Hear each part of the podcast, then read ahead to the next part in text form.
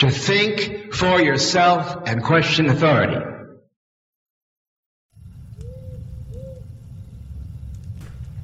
No tak, radionafali.com, tak to się nazywa.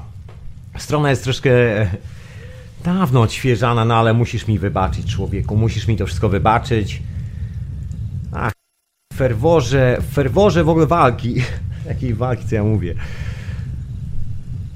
Przepraszam bardzo, bo jak zwykle sobie ustawiam gałki, dostałem informację, że hiperprzestrzeń, bo w ogóle witam Cię w hiperprzestrzeni w sobotni wieczór w, w Radiu na Fali, retransmitowanym w Radiu Paranormalium oraz Czas Snu. Ja tu jeszcze kręcę gałką przy mikserze, żeby się sprawdzić, czy ja dobrze się słyszę, czy, czy mogę jeszcze lepiej. Mogę, ale zostawię tak jak jest. Także dobry wieczór. Bo jest godzina chyba 23 w Polsce, 22 w Londynie, w miejscu, z którego nadaję prosto do ciebie. Wiesz, sobie poprzestałem mikrofonu, a co? Żeby nie było, że wiesz, to tamto. W ręku mam aromatyczną kawę, pozwoli, że siorbnę. Wiem, że to nie eleganckie, ale to jest kolacja już e, po tym momencie, kiedy świece się spaliły. Właśnie. Mmm, delicious. Jak się mawia w moich aktualnych stronach.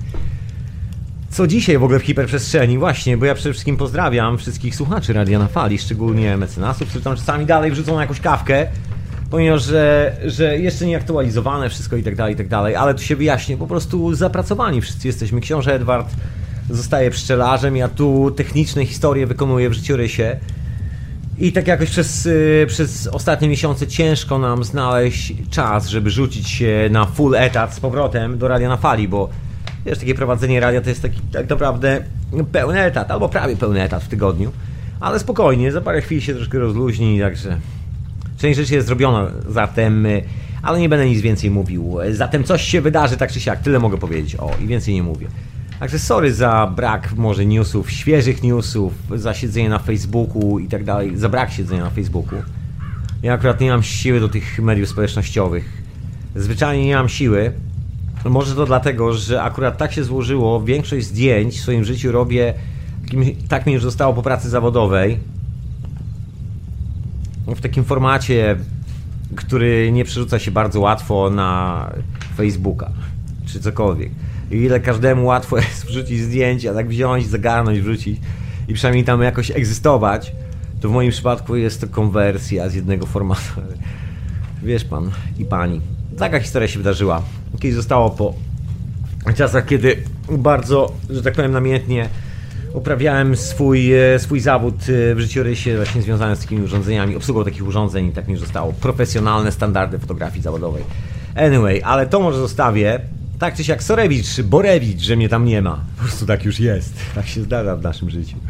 Nie może mnie być wszędzie, gdzieś e, może mnie nie być. czy jakoś tak. Ja to jeszcze sobie kręcę gałkami, a mam temat dzisiaj. Dzisiaj w ogóle poruszę sobie zabawny temat, który tutaj się pojawia. O, tu goście się pojawiają, rozmowy trwają, rozumiesz? Tu jest jakieś życie towarzyskie na osiedlu.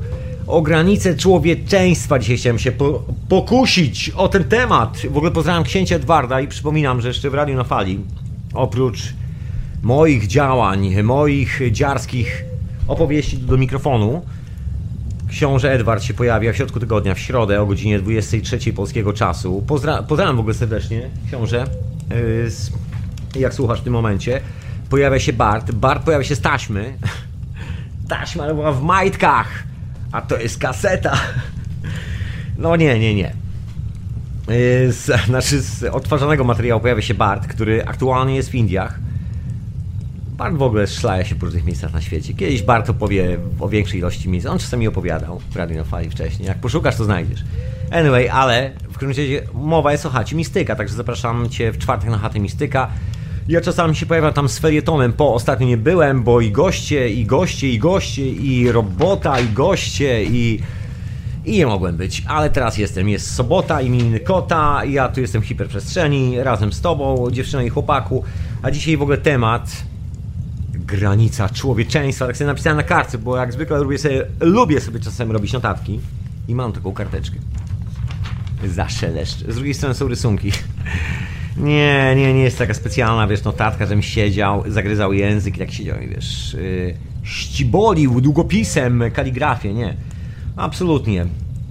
Sobie mam kilka takich koncepcji na ten temat. W ogóle tak, takie rozmowy towarzyskie trwają.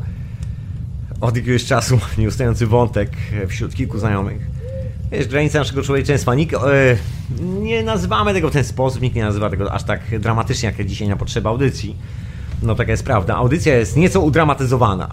Rozumiesz, pan i pani. Także granica człowieczeństwa, ale, ale o, o, czym w ogóle mówię? O pewnej takiej, właśnie, gdzie jest ta granica człowieczeństwa? Dzisiaj, dzisiaj opowiem o kilku refleksjach, które nasuwają mnie się z mojej e, technologicznej pracy, naukowej, że tak powiem wręcz. No właśnie, nie tylko, takich obserwacji, bo w życiu kilka rzeczy widziałem, wiadomo, nie urodziłem się wczoraj, jak się musiało wydarzyć po drodze i coś się działo, a że zawsze tak się wydarzało, że coś się działo, to mam co opowiadać czasami. Znaczy może nie zawsze, ale czasami się zdarzy, prawda? Prawda? No oczywiście, że prawda. Dlaczego miałbym kłamać? No właśnie. Granica człowieczeństwa. Indianie się dziwili białym, że że ściemniają. Znaczy ciężko mnie znaleźć, rozumiem, że jak wysłałeś maila do mnie człowieku, to ciężko mnie czasami znaleźć na tego maila. Bo ja naprawdę mam czasami potężny poślizg, żeby odpisać na maila, a to dlatego, że troszeczkę tego przychodzi. Nie dlatego, żeby radio było popularne albo hiperprzestrzeń, bo jakąś showmańską audycją, która powoduje wygaszenie wszystkich świateł w domach w sobotni wieczór w każdej polskojęzycznej społeczności na całym świecie. Nie, nic z tych rzeczy, absolutnie.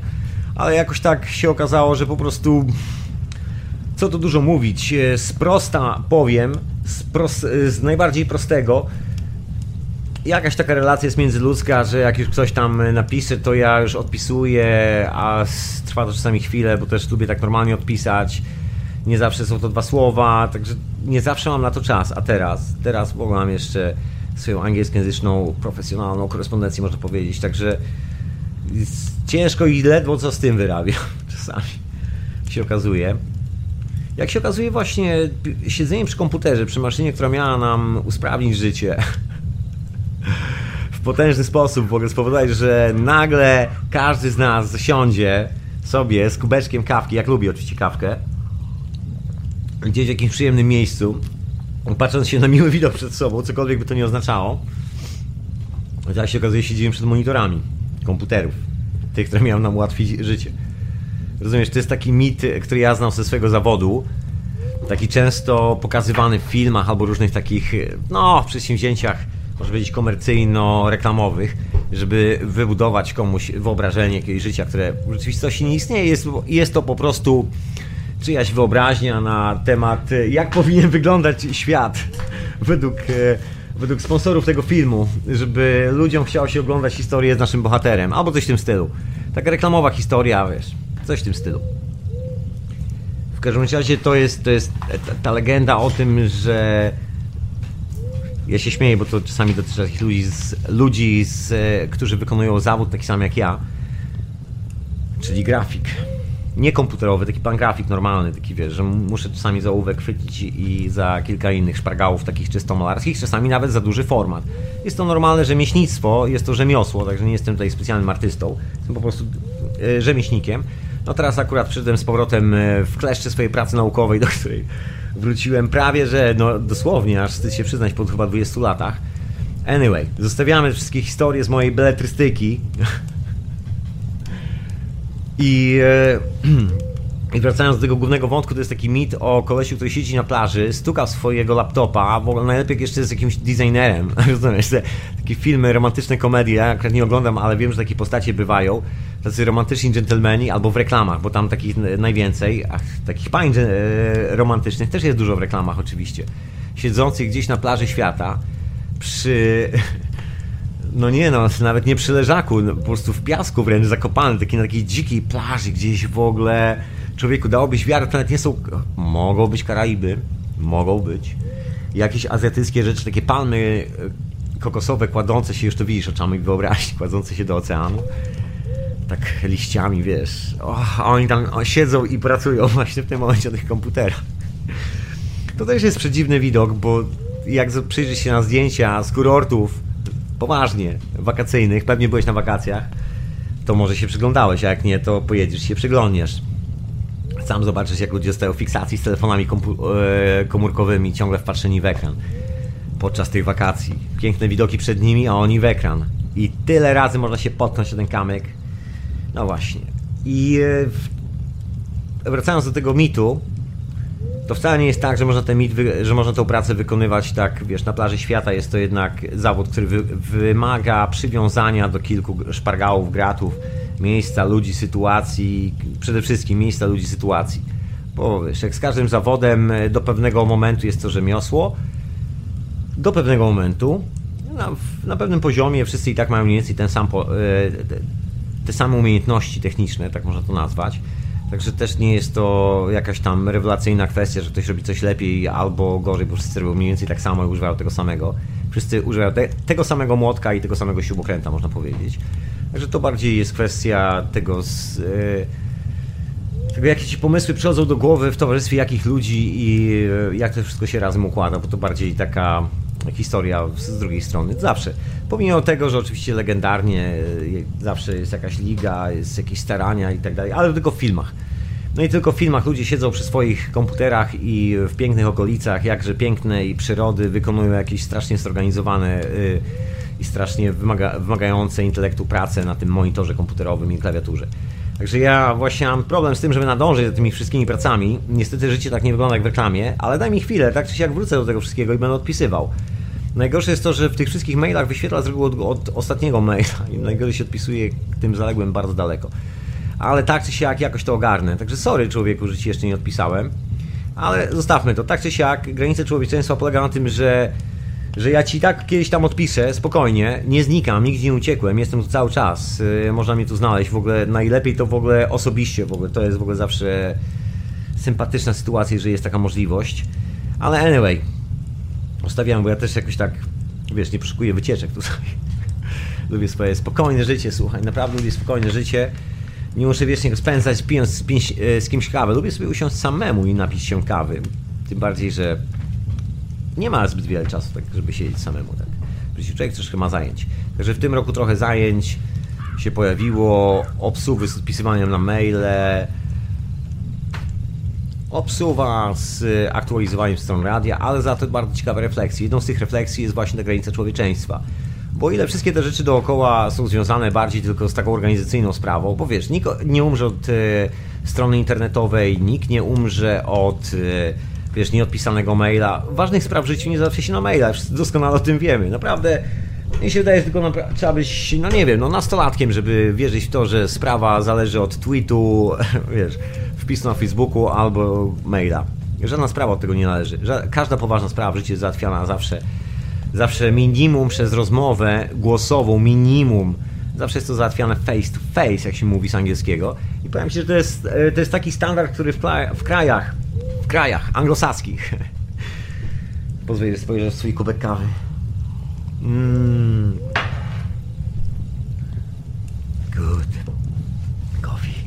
Anyway, nawet tutaj proste sprawy się załatwia na gębę, bo po prostu nie ma sensu załatwiania ich tak, wiesz, poważnie. Weszła ta kultura korporacyjna, ona generuje dużo takiego śmiecia nieustannego, bełkotu, takiego potwierdzania swojej własnej egzystencji, że 30 razy do ciebie człowiek dzwoni zanim przyjedzie, a właśnie za dwie godziny ma być. To wyobraź sobie, ile razy on musi zadzwonić w ciągu jednej godziny, żeby wypełnić ten limit. Jestem w pociągu, właśnie wsiadłem, mijam stację, wiesz, dojeżdżam, jestem 5 minut od ciebie. Man, po prostu wyłącz ten telefon, włącz jakąś fajną muzę, popatrz przez okno w pociągu. Rozumiesz, i tak ty się pojawisz. Prosta sprawa. Ja mam takie podejście do tej, e, do tej całej technologii. Lubię jej użyteczność jak każdy z nas, oczywiście, oczywiście, ale wiesz, ta użyteczność nie pochodzi od e, poligonów wojskowych i kilku innych rzeczy. O tym kiedyś tam opowiadałem, skąd się wzięły te drobne urządzenia zwane komputerami, mikroprocesorami, gdyby nie LSD, to ja nie wiem co by było. Może, może w sumie lampy by były. Komputery lampowe, kto wie. I don't know. Ale wracając do tej granicy człowieczeństwa, bo chciałem poruszyć kilka wątków, y, które się tu pojawiają jako takie refleksje, wiesz, że prawdziwe życie dzieje się i tak w twoim życiu, a nie na mailu, ani na kilku innych sprawach. Ja i tak tam dotrę i tak wszystkie sprawy zostaną załatwione. Także wiesz, przepraszam bardzo, i tak się wszystkie załatwiają, bo takie jest życie. Anyway, tym bardziej ja to lubię robić. Y, ale jest kilka ciekawych granic człowieczeństwa, które które odpowiadają za to, moim zdaniem, za, za to, co nazywam polaryzacją, za przeciwstawnymi stronami. Tutaj na przykład historia z długością życia, reinkarnacją, Mhm. Jest coś takiego, taka koncepcja, która gdzieś tam sobie zamieszkała u mieszkańców Tybetu, którzy mają e, tą jazdę na reinkarnację. Ja mam w ogóle swój własny koncept z reinkarnacją. To może za parę chwil, bo tam mój koncept, to tam mój koncept, może zostawmy na razie ten mój bigos. I tak o nim kiedyś opowiem. Anyway. Chodzi o długość życia, ale wiesz, życie nie jest e, tylko i wyłącznie kwestią, nie wiem, kupienia sobie kilku gadżetów od e, momentu narodzenia się do momentu walnięcia, wiesz, kopnięcia piętami w dębowy piórnik. Życie to jest coś więcej. Wielu ludzi temu zaprzecza. Wielu, właściwie wielu, delikatnie powiedziawszy, gro nauki jest oparte na tym, że nasza egzystencja jest bardzo wiotka, bardzo niewielka, bardzo krótka, bardzo taka ulala, niewiele z tego jest, mamy bardzo niewielką ilość lat, musimy tu zrobić jakieś odkrycie, dynamić, wymyślić, wojnę zrobić, wysadzić coś w powietrze, wsadzić kilku szalonych śmiałków, którzy są wytresowanymi wojskowymi na zbiornik z paliwem i wystrzelić w kosmos, tak? Postaramy się, żeby nie wylecieli w powietrze. Czasami się udaje, czasami nie. Kto to wie. I nazwiemy to cywilizacją. Rozumiesz? To, to jest taki koncept na życie, który mówi, że jestem tylko i wyłącznie ograniczony do swojej fizycznej formy. Natomiast w Tybecie pojawiło się takie zjawisko, które się nazywa, właśnie no nie tylko w Tybecie, bo w wielu miejscach na świecie, ale ja tutaj zawężę się frajersko do jednego tematu, słuchaj, będę skracał na zakrętach. Jak chcesz sobie poczytać o reinkarnacji, cały internet jest tego pełen. Rozumiesz? Znajdziesz sobie dziewczynę i chłopaku. Ja tylko o jednym takim wątku, bo to jest jak po drodze, po mojej drodze. My way. I ten wątek głosi o tym, że Lama sobie wraca. Jest taki koleś, który jest przywódcą, można powiedzieć, intelektualno. A się ciekawa rzecz, bo jak można nazwać Lamę? Faceta, o którym y, można powiedzieć, że jest autorytetem społecznym, ale, ale nie jest nikim specjalnym. Nie jest to postać religijna, a chociaż dookoła jest coś w rodzaju kultu. Ale nie jest to do końca kult na punkcie fiksacji na, na temat lamy, chociaż on tam się nieustannie pojawia, tylko fiksacja na temat, żeby się granie odkleić od świata, usiąść sobie gdzieś po prostu gdziekolwiek, zamknąć oczy i zrobić jakieś takie, wiesz, ha mam, ha mam, no mam, mam. Bardzo świetnie o tym opowiada, co należy zrobić. Ja się nie znam na tych wszystkich rzeczach. Chodzi o to, żeby się odciąć od zgiełku, który produkuje czasami nasza głowa w konfrontacji z rzeczywistością dookoła nas, w tym fizycznym świecie. I tam jest ten koncept. No, jakby mało w tym religii, bo w tym momencie ciężko powiedzieć, żebyś biegał po niewiernych i szukał datków na swój kościół. Raczej siedzisz na miejscu, na tyłku i zastanawiasz się, jak odkleić się od rzeczywistości w taki sposób, żeby być sklejonym, ale nie być przyklejonym. Jak mieć ciastko i go nie mieć. Troszkę taki dylemat. Tak to nazwano, nazwano w Anglii. W kulturach anglosaskich, tak jak właśnie nazwano w Anglii, jest to niemożliwa rzecz, żeby być e, żeby być czymś ponad swoją własną fizyczność. Nawet takie zwykłe powiedzonka na co dzień mówią ci bardzo wiele o tej kulturze, że ona jest zdeterminowana na to, że tutaj jesteś i tylko teraz fizycznie. I to jest granica naszego człowieczeństwa fizycznie. Tak została ustalona i cała zachodnia nauka, jakkolwiek to nazwiemy, podąża dokładnie tym trendem. Nie ma czegoś takiego. Natomiast w Tybecie jest ten koncept reinkarnacji.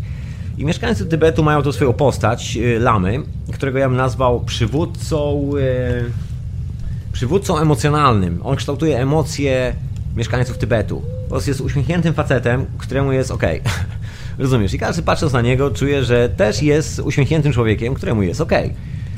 I de facto do tego się sprowadza cała ta historia. No więc, y, kiedy lama odchodzi z tego świata, mieszkańcy Tybetu mają taką tradycję, że przywołują lamę Zaraz w jaki sposób to robią. Bo to jest dobry człowiek, o którym wielu ludzi myśli w kategoriach emocjonalnych. A właśnie, i to jest odpowiedź na Twoje pytanie, jak to robią. Właśnie tak przy, przywołują tą osobę. Przynajmniej tak jest to opisane i tak to wygląda.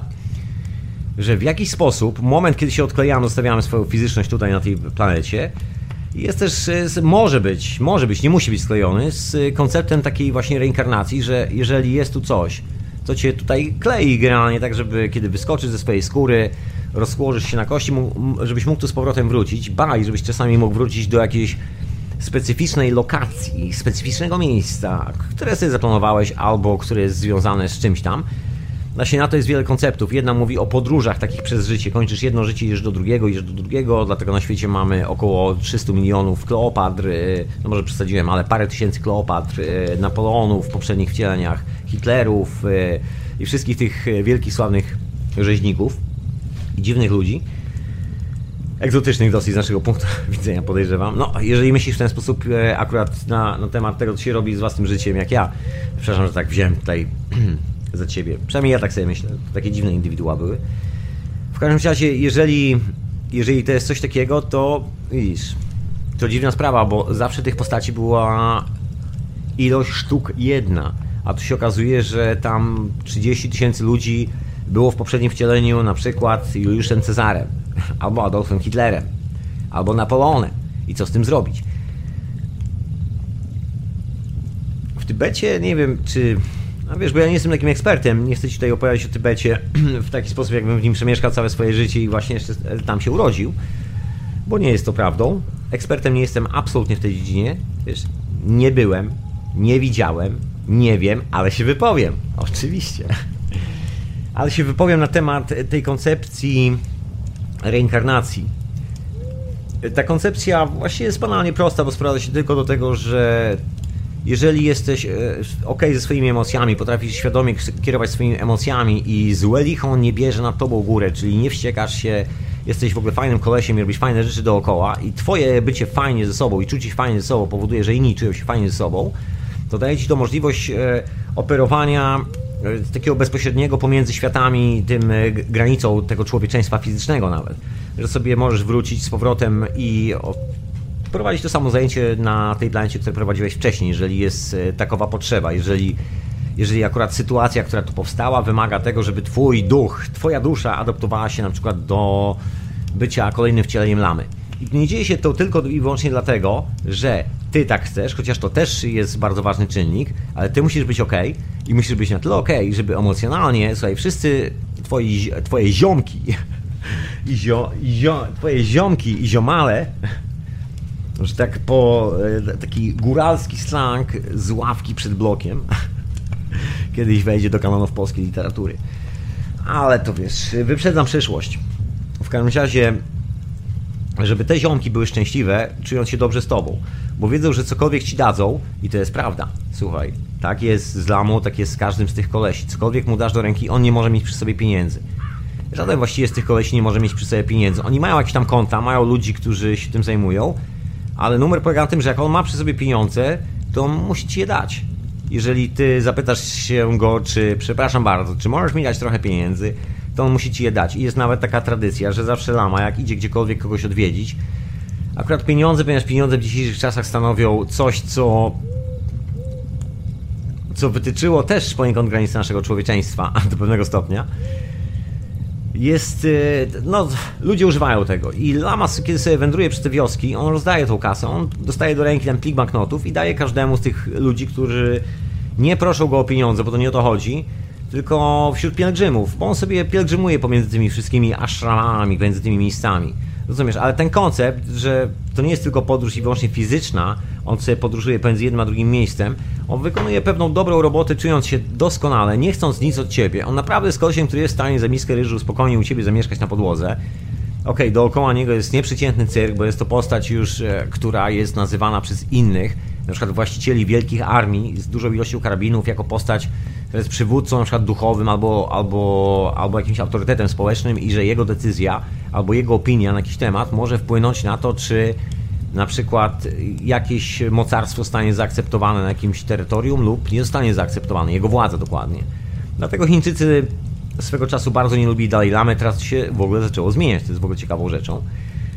Nie zmienia się to tak szybko i tak radykalnie, jakbyśmy pewnie wszyscy chcieli, żeby chłopaki się ze sobą pogodzili, ale jak się okazuje, zaczyna iść ku dobremu i to tak dosyć konkretnie w Tybecie nawet robi się trochę inaczej. Oczywiście nie życzą sobie polityki tam Chińczycy żadnej, ale to już inna historia. To może zostawię to politykę, bo i tak też nie jestem ekspertem od polityki. Nie chciałem, żebyś tu mnie brał za jakiś pajaca, który dyskutuje coś, co jest i tak wymyślane naprawdę dawno, dawno temu przez kilku frajerów. I nie ma to nic wspólnego z naszym życiem, bo właśnie gdzieś granica człowieczeństwa, długość naszego życia to jest e, taka rzecz techniczna związana z percepcją badania w ogóle tego, czym jest energia, czym jest informacja, czym jesteśmy my, czym jest cały świat, w ogóle od strony naukowej. Bo jeżeli wrzucasz jakiś koncept, to z reguły, przynajmniej w dzisiejszych czasach, przynajmniej w tej kulturze, w której my wyrastaliśmy, Bo to dosyć proste. No, koncept opiera się na tym, że mamy tutaj parę lat i musimy coś zmieścić w tym e, przydziale czasowym tylko po to, żeby drugi koleś wyskoczył z kaski i żeby to się opłacało, żeby coś z tego było. I żeby to się opłacało komuś, niekoniecznie nawet nam, ale żeby to się opłacało, żeby to rozkręciło jakąś sprawę, doprowadziło nas do tego, że posiadamy więcej. Bo z reguły właściwie do tego się to sprowadzało. Żeby mieć po prostu więcej. Ale wracając do tego jeszcze reinkarnacyjnego trybu, który mówi, że właściwie to, co robisz teraz, to tylko część tej historii i właściwie nie zbieraj człowieku zbyt dużo, bo będziesz miał problem, żeby się odkleić od tego wszystkiego. Im więcej masz, tym większy problem dla ciebie.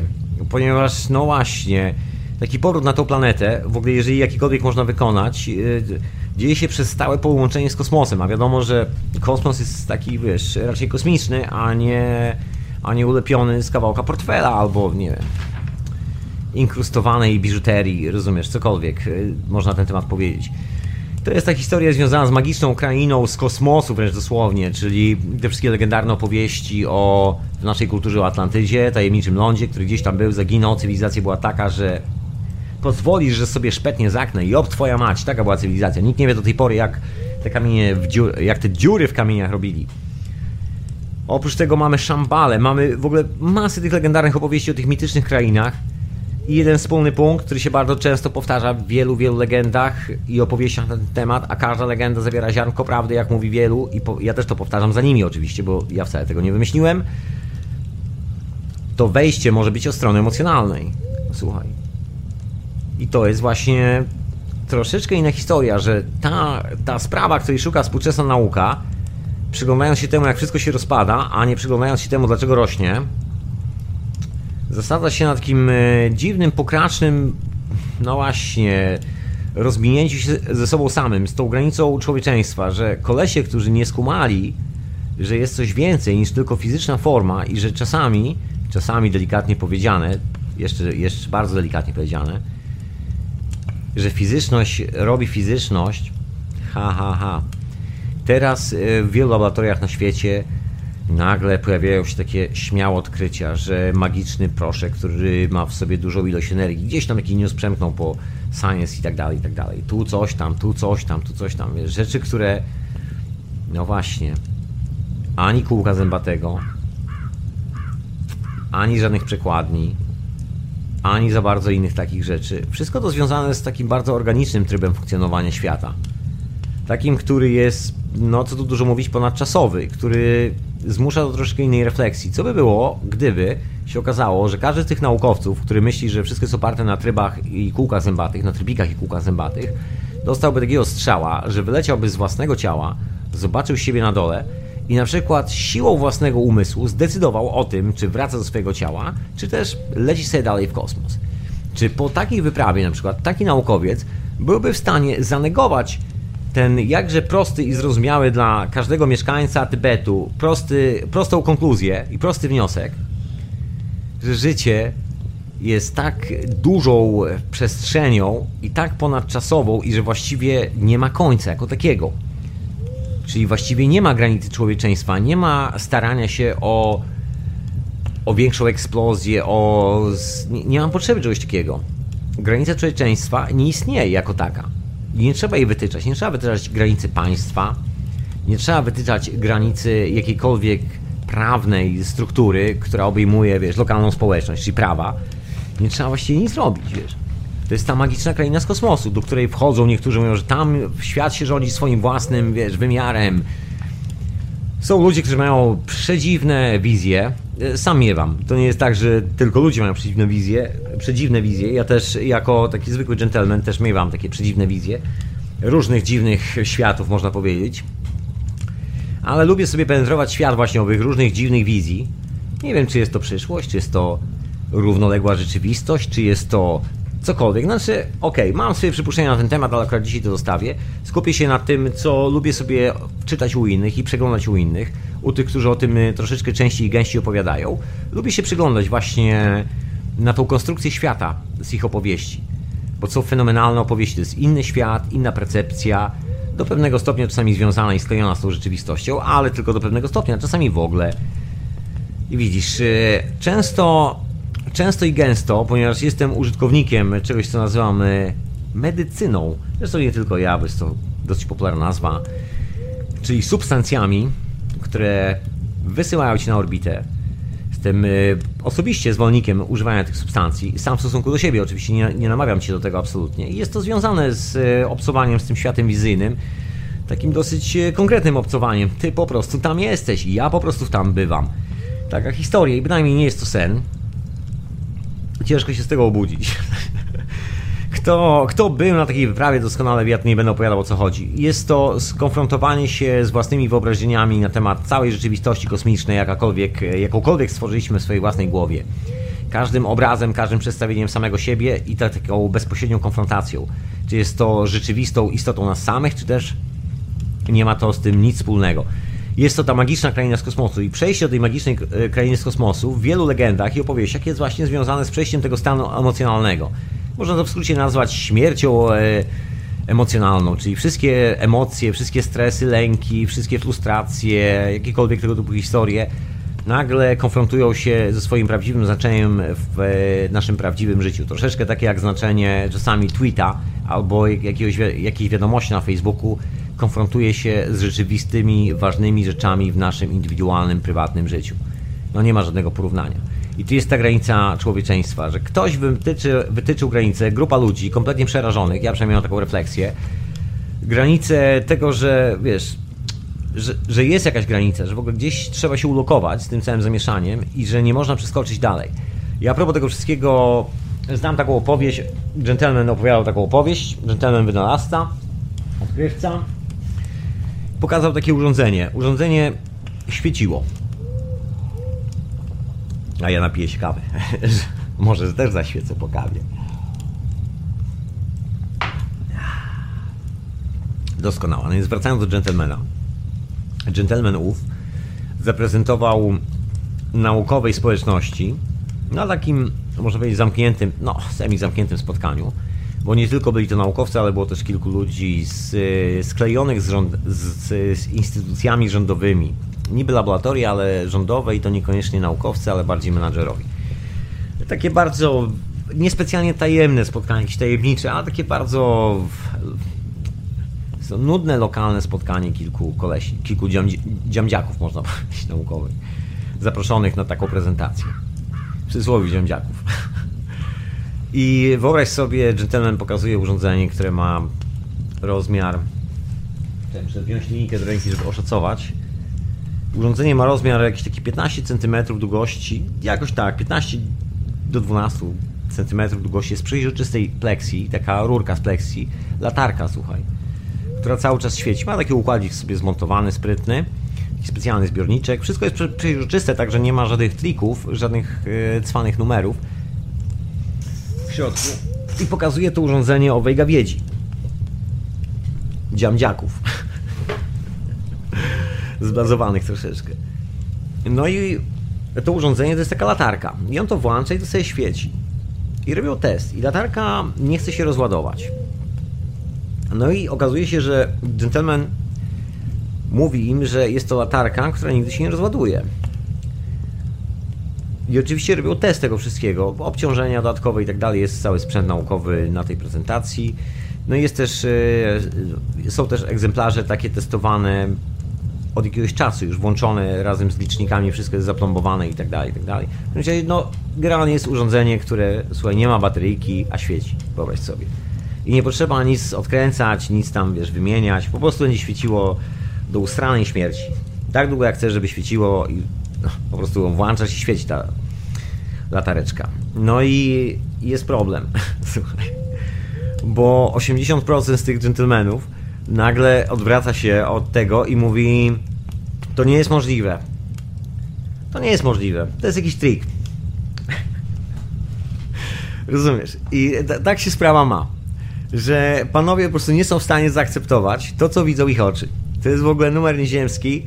Wyobraź sobie taką sytuację, że masz grupę ludzi, która właśnie widzi coś na swoje własne oczy. Po prostu widzi, dzieje się przed nimi, może to dotknąć, każdy może wziąć to do ręki, sobie może to rozkręcić. Bo najlepszy numer, że jest to rozkręcana ratalka, możesz to rozkręcić, każdy element, masz informację, co jest w środku i tak dalej, i tak dalej. Tam nie ma żadnych tajemnic, wiesz. Nawet układ scalony jest nadrukowany tak, żebyś ty widział, co tam jest. Na zdjęciu został tam zakryty, tylko żeby na zdjęciach, które tam się gdzieś później pojawiły, nie, nie pokazywać tego. Taki dowcip troszkę wynalazł, żeby, żeby się reszta zastanawiała, o co tu chodzi. No ale na prezentacji było wszystko jasno pokazane, cała dokumentacja techniczna została udostępniona w ogóle przy tego, taki wiesz, skoroszycik papierku wydrukowany z wszystkimi wykresami, żeby było wiadomo o co chodzi, bo to naprawdę nie są czary ma. Panowie naukowcy, słuchaj, wyszli z tego i powiedzieli, nie, to niemożliwe, to nie jest prawda, to, tak, to może, to może zadziałało. To może zadziałać, tak, no widziałem, zaświeciło się, ale to wcale nie jest tak, żeby to działało. Rozumiesz, człowiek ma w ręku urządzenie, widzi wszystkie rzeczy, może to przetestować, i twierdzi, że to nie działa. Rozumiesz? Człowiek patrzy na słońce i mówi: Nie, nie, nie, tam słońca nie ma. I weź tu rozmawiaj z kimś takim. Poważnie, i weź spróbuj wyjaśnić poważną rzecz, bo dopóki wiesz, rozmawiamy sobie o pogodzie i o tym, że nie wiem, no, że fajnie chmury płyną po niebie, to do tego momentu jeszcze jest, wiesz, okej, okay, ale wyobraź sobie, że w tej rozmowie nagle pojawia się sytuacja, w której okazuje się, że jeden z rozmówców, albo twój rozmówca, nagle neguje faktowi, że jest słońce jeszcze na niebie oprócz e, chmur. Po prostu kompletna negacja. I wręcz jest w stanie nazwać się szaleńcem, wariatem. Wiesz, nagle on dostaje świra, staje się funda fundamentalistą. Nagle ta sytuacja, że on nie chce czegoś zaakceptować, robi z niego funda fundamentalistę, bo inna sprawa, że musi przyjąć taką pozę, bo zaprzecza najbardziej oczywistym rzeczom. Zaprzecza temu, co widzą jego dwa receptory, ruchome receptory organiczne zwane oczami. Nie jest w stanie tego zaakceptować, ma to w rękach, nie jest w stanie zaakceptować tego organoleptycznie, czyli dotykowo, poprzez zmysły dotyku. Wyobrażasz to sobie? I to jest granica człowieczeństwa. Tak sobie myślę, że to jest ta granica, która dotknęła tą planetę, jeżeli chodzi o moją refleksję, gdzie zaczyna się człowiek, a gdzie się a gdzie się tak naprawdę chyba skończył. Czy jakoś tak. Moim zdaniem, czy wiesz, nie musisz się z tym zgadzać. Mam taką percepcję świata, że wiesz, ona wychodzi w jednym miejscu. To, to jest e, coś, co wyrzucają z nas e, tak zwane substancje, czyli cała medycyna. To jest ten stan wizyjny, ale taki konkretny. Niektórzy się na tym zawieszają, wiesz, robią, robią z tego religię i od razu jakakolwiek wizja im się pojawi, cokolwiek, nie próbują tego skleić z wiedzą w jakikolwiek sposób, od razu wrzucają, wiesz, na mocne mo, mocne obroty, słuchaj, jadą z koksem od razu, Bóg, Elia, wiesz, Jezus, mantry, kurde, jednorożec, różowe skrzydła leci nade mną, czakran korony serca w moich stopach, magiczna kula mocy lot jest permanentny po prostu i wszystko to przybite do krzyża, albo, albo jakieś gwiazdy, albo do... jeszcze na księżycu to wszystko powiewa sobie, zawisa. Razem z Twardowskim, rozumiesz? Legendy nieprzeciętne, ludzie, którzy wiedzą więcej o twoim życiu niż ty sam, chociaż nigdy cię w życiu nie widzieli. I, o, I tam jest, i oni próbują zobaczyć całą tą historię, i to jest taki tryb e, cywilizacyjny, że wielu ludzi, którzy nagle dostają po raz pierwszy, pie, chyba pierwszy raz czasami jakąś mocną wizję w życiu, która jest po raz pierwszy na tyle konkretna, że zdaje się, konkuruje z rzeczywistością, bo okazuje się bardziej rzeczywista niż codzienna rzeczywistość, w której taki człowiek normalnie żył, gdzie sobie wyznaczył granicę swojego człowieczeństwa. Nagle granica jego człowieczeństwa została przekroczona w sposób taki, że właściwie rzeczy, które widział, były tak fizyczne, że on pił tą wodę, chociaż tej wody tam nie było. Był w tym lesie, chociaż tego lasu tam nie było. Widział te wszystkie rzeczy z góry, chociaż nigdzie nie leciał. I unosił się nad sobą, chociaż właściwie siedział cały czas w krześle. Rozumiesz? Czasami dzieje się podczas wypadków, czasami podróżnych rzeczy, śmierć kliniczna, wyjście się, cokolwiek, nazwij... No, tysiące metod, nazwij to jak chcesz. Aż się, aż się zagotowałem. No właśnie, ale część ludzi, no nie wiem, ja myślę, że to związane z takim egocentryzmem troszkę. Wydaje nam się, że jest to tak unikatowe doświadczenie, nikt tego nie przeżył. To jest w ogóle, wiesz, robi ze mnie kogoś wielkiego, zostanę terapeutą i opowiem o tym za grube pieniądze i zrobię z tego jeszcze religię, wymyślę Boga, że te wszystkie niewidoczne rzeczy, wizje, cokolwiek masz, twoja wizja, słuchaj, twoja wizja to jest wizja mojego Boga i teraz musisz mi zapłacić za to kasę, stary. A jeszcze jak się okaże, że coś tam jest nie tak w tej wizji, to ja mam tutaj dla ciebie taki biznes, słuchaj. Zostaniesz pokutnikiem i będziesz karował na mnie. Ja pomogę ci zmazać twoje grzechy, synu. Rozumiesz? I to jest, y, to jest ta część linearna. taki konflikt po prostu między normalnym człowiekiem, pomiędzy normalnymi ludźmi, a tym tak zwanym patologicznym światem, czyli tą, y, tą, tym światem, który wytyczył sobie granice. Tymi wszystkimi religijnymi ludźmi, politycznymi ludźmi, bo to jest monopol, taki nic innego jak monopol na ludzką aktywność, jakąkolwiek. Wiadomo, że że jest, y, że jest szerokie spektrum tej aktywności. Możesz zrobić coś rękami, w sensie, nie wiem, wiadro, obrazek namalować. Konia możesz podkuć jak potrzebujesz, dom sobie wybudować. Wiele rzeczy możesz zrobić. Posiać, zebrać, posadzić. Rozumiesz, znowu wiele rzeczy można sobie zrobić, wybudować, poskręcać, włączyć coś, wyłączyć, rozumiesz. Wykąpać się w rzece można też oczywiście, no ale widzisz, jak czegoś nie zrobisz, tylko się będziesz kąpał w rzece, to może być tak, że ktoś na tym y, mało zarobi.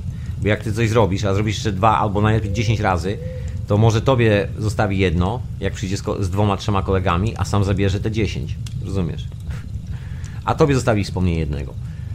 I to jest ta granica człowieczeństwa, że ludzie akceptują system, w którym żyją. Jednocześnie stając się częścią tego systemu, jednocześnie asymilując się z nim na tyle, że właściwie wszystkie wyobrażenia na temat swojego, szczę swojego szczęśliwego życia bazują i osadzają w realiach tego systemu tak na 100%. Pewnego dnia będę bogaty, kupię sobie piękny dom na zadupiu świata, rozumiesz, i tam będę już dobrym człowiekiem. Ale po drodze wytnę oczywiście parę milionów ludzi, wypuszczając e, toksyczną szczepionkę na rynek, której doskonale wiem, że ich pozabija, ale wiesz, z kolegami mamy taki klub i zastanawiamy się, co zrobić ze światem, rozumiesz. I to jest e, dokładnie to samo. To jest system religijny, system polityczny, systemy monopolistyczne, systemy, w których ktoś z góry dobrze wie, co jest dobre dla ciebie i dlatego jest politykiem albo dziennikarzem, który mówi ci, że musisz koniecznie zrobić coś, pójść na demonstrację, głosować na polityka, rozumiesz? Kupować produkt o nazwie XYZ i nie inny produkt. Oczywiście on cię zabije, bo w tym produkcie już się nikomu nic nie opłaca zrobić poza opatentowanymi kawałkami chemii, za które musisz zapłacić, bo wszystko dookoła co rośnie, żywe, nawet w twoim ogródku okazuje się zdrowsze. Nawet gdybyś żar powoli, ja właściwie mam taką refleksję, słuchaj, bo powoli, no, powoli jak powoli, doszliśmy do czasów, w których właściwie na dobrą sprawę, z organicznego punktu widzenia, zżeranie trawy podczas wizyty w parku i obgryzanie kory z drzewa zdaje się bardziej zdrowszym zajęciem dla naszego organizmu. Oczywiście, jeżeli ten park nie znajduje się blisko autostrady, niż yy, zrobienie zakupów z modnymi żywnościowymi produktami w supermarkecie. Obawiam się, że gdybyśmy zżarli to całe gówno supermarketu, to byśmy gorzej na tym wyszli, niż gdybyśmy poszli do parku obgryzać korę i żreć trawę już doszliśmy do takiego paradoksu. Oczywiście akurat kora w parku i trawa jest za darmo.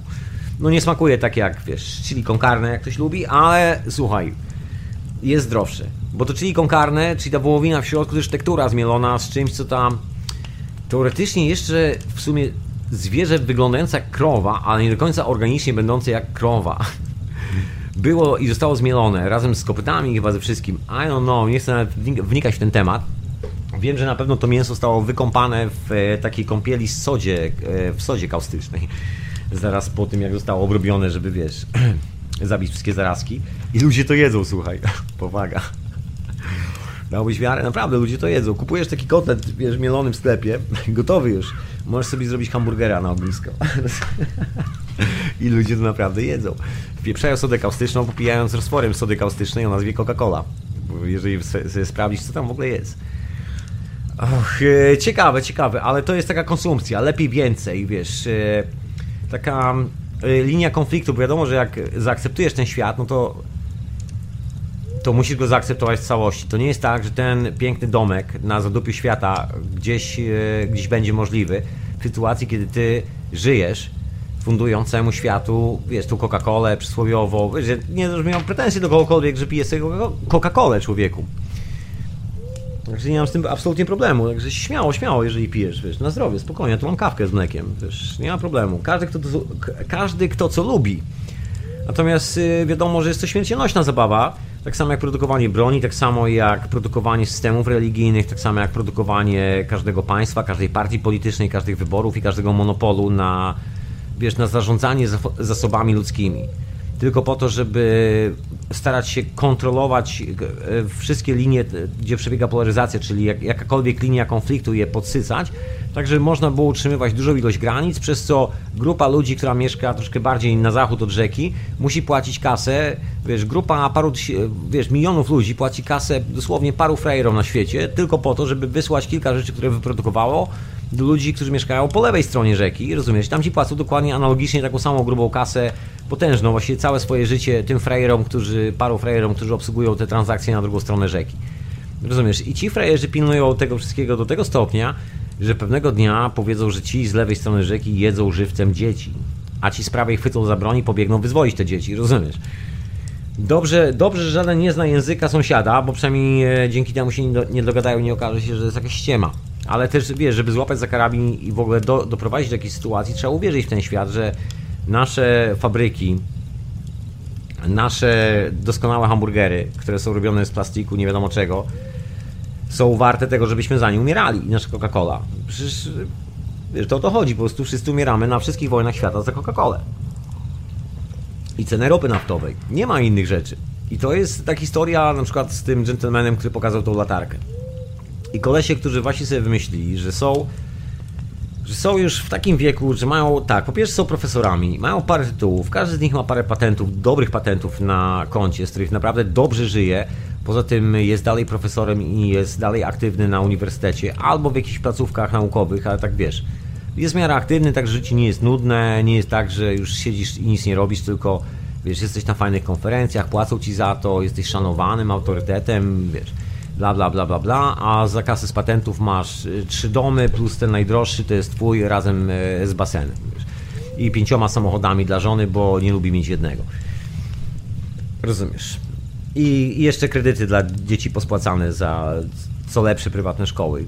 Wiesz, i to jest problem, bo nagle się okazuje, że wiesz, ty, ty tak naprawdę wpieprzasz ten plastik, produkujesz to wszystko i robisz, to jest właśnie twoja granica człowieczeństwa. Nie pójdziesz dalej, bo bo nawet jeżeli jeszcze tego nie masz, a niby wydaje ci się, że jesteś dobrym człowiekiem, to widzisz ten konflikt, widzisz, czujesz, że przecież kurde, nikt nie będzie produkował baterii. Ojejku, ludzie, którzy stracą pracę przy produkcji baterii do, wiesz, latarek, y, latarek zginą z głodu, rozumiesz? To tak jak na przykład wrożono na początku minionego stulecia. Słynny fakt, sły, szalenie słynny, jeżeli ktoś śledził wątki tak zwanych no, nowych wynalazków i tego, jak wkraczały w nasze y, progi cywilizacyjne, to zna tą historię na pamięć, ale jak nie znasz, to ci szybko opowiem.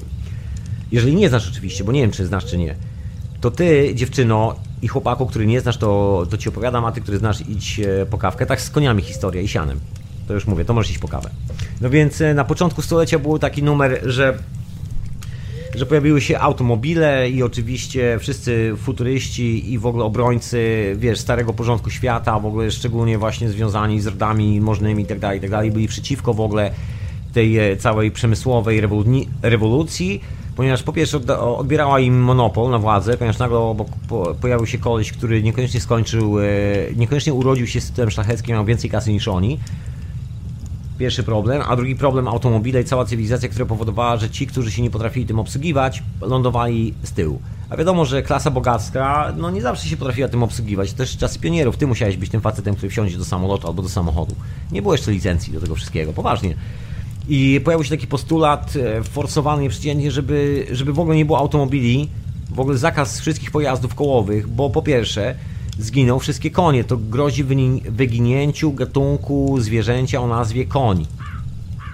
I że nagle rolnicy zbankrutują, że to doprowadzi do potężnego kryzysu globalnego, takiego disaster, po prostu kompletne zniszczenie, upadku całej ekonomii, ponieważ jeżeli konie przestaną być potrzebne na ulicach, to przestanie być potrzebne siano dla koni i cała infrastruktura obsługująca to, co jest potrzebne, żeby konie mogły sobie yy, mieszkać w miastach i pracować w tych miastach i w tym całym przemyśle, szczególnie przemyśle, bo to też się rozchodziło. I nagle farmerzy, którzy nie mają już gdzie sprzedać swojego siana, popadają w nędzę. Nie mają już pieniędzy, żeby obsieć swoje pole i je zebrać. Więc wszyscy lądują w nędzy, nikt nie ma co jeść, wszyscy emigrują ze świata. Koniec, koniec, katastrofa. Nikt nie ma kto, nie ma kto kupować złota, nie ma kto kupować drogich produktów, su sukien y, szkarłatnych i wyszywanych drogimi kamieniami. Król nie ma dochodu, bo przecież wszystko leży. Rodziny królewskie w ogóle nie mają już co robić. Wojna, wojna, nawet wojny nie można zrobić, bo właściwie nie masz pieniędzy. Sami biedacy właściwie wszyscy zmarli z głodu.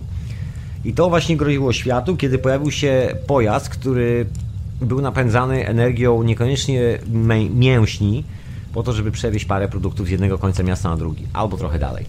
Także takie były problemy świata 100 lat temu. Dzisiaj problemem jest taka granica człowieczeństwa, która wzięła się z tego, że nauka jest strasznie zadufana i uwierzyła w to, że naprawdę wie wszystko na temat życia, chociaż jak na ironię, ta współczesna nauka nie jest w stanie wskrzesić żadnego życia. Bo to jest granica wiedzy na temat naszego człowieczeństwa i na temat w ogóle jakiejkolwiek żywej istoty. Jest tylko jedna granica. O niej się nie mówi tak normalnie naukowo, mówi się, że zawsze naukowcy dokonują wielkich odkryć, że robią coś wielkiego, niesamowitego, bla bla bla, już głowę mi rozpieprzyło na 5 milionów kawałków, rozpadłem się, poczołgałem, jaka wielka sprawa, zrobiło na mnie takie wrażenie. Bullshit. Nic takiego się nie dzieje. Granicą człowieczeństwa jest umiejętność, jeżeli chcesz to ująć w kategoriach takich fizycznych, to przekroczenie tej granicy jakby, i ta granica to jest granica rekonstrukcji swojego własnego organizmu w naturalnym stanie. Do tego się to sprowadza. I jeżeli nie ma technologii, która jest w stanie nawet się zbliżyć o milimetr, o pół milimetra, o jedną milionową milimetra do tego momentu, to znaczy, że cała ta nauka jest za przeproszeniem gówno warta. Bo jedyne co możesz zrobić, to przedłużyć rozpad sytuacji, która aktualnie właśnie wymknęła się spod kontroli. Właściwie nigdy nie była kontrolowana. I na dodatek jeszcze, i to jest największy problem, ty jako współczesny naukowiec, wierzący w te wszystkie e, Einsteinowe opowieści, nie tylko, nie jesteś w stanie zatrzymać rozpadu czegokolwiek na świecie. Jesteś tylko i wyłącznie niemym, niemym, nie mogącym nic zrobić uczestnikiem czegoś, na co nie masz żadnego wpływu, pomimo wszystkich milionów reguł, laboratoriów, budżetów, czarnych budżetów, tytułów Nobla, pozostałych gazet naukowych i publikacji, tytułów patentowych, pieniędzy wynikających z tych patentów i produkcji szczepionek czy czegokolwiek, co jest produkowane z tych patentów później. Naprawdę, poza tym, że możesz co najwyżej przyspieszyć agonię komórki, ewentualnie spowolnić jej starzenie, nauka oficjalna nie wie nic. To taki, wiesz, back to the roots, czyli powrót do korzeni troszeczkę. I to jest y, wszystko na poziomie tego statusu religijnego i politycznego, bo on dyktuje to granice człowieczeństwa. To on zakazuje badań i poszukiwań w tej historii, która się nazywa wizyjnością. Bo jeżeli pójdziesz sobie dalej, to pojawia się zjawisko edukacji.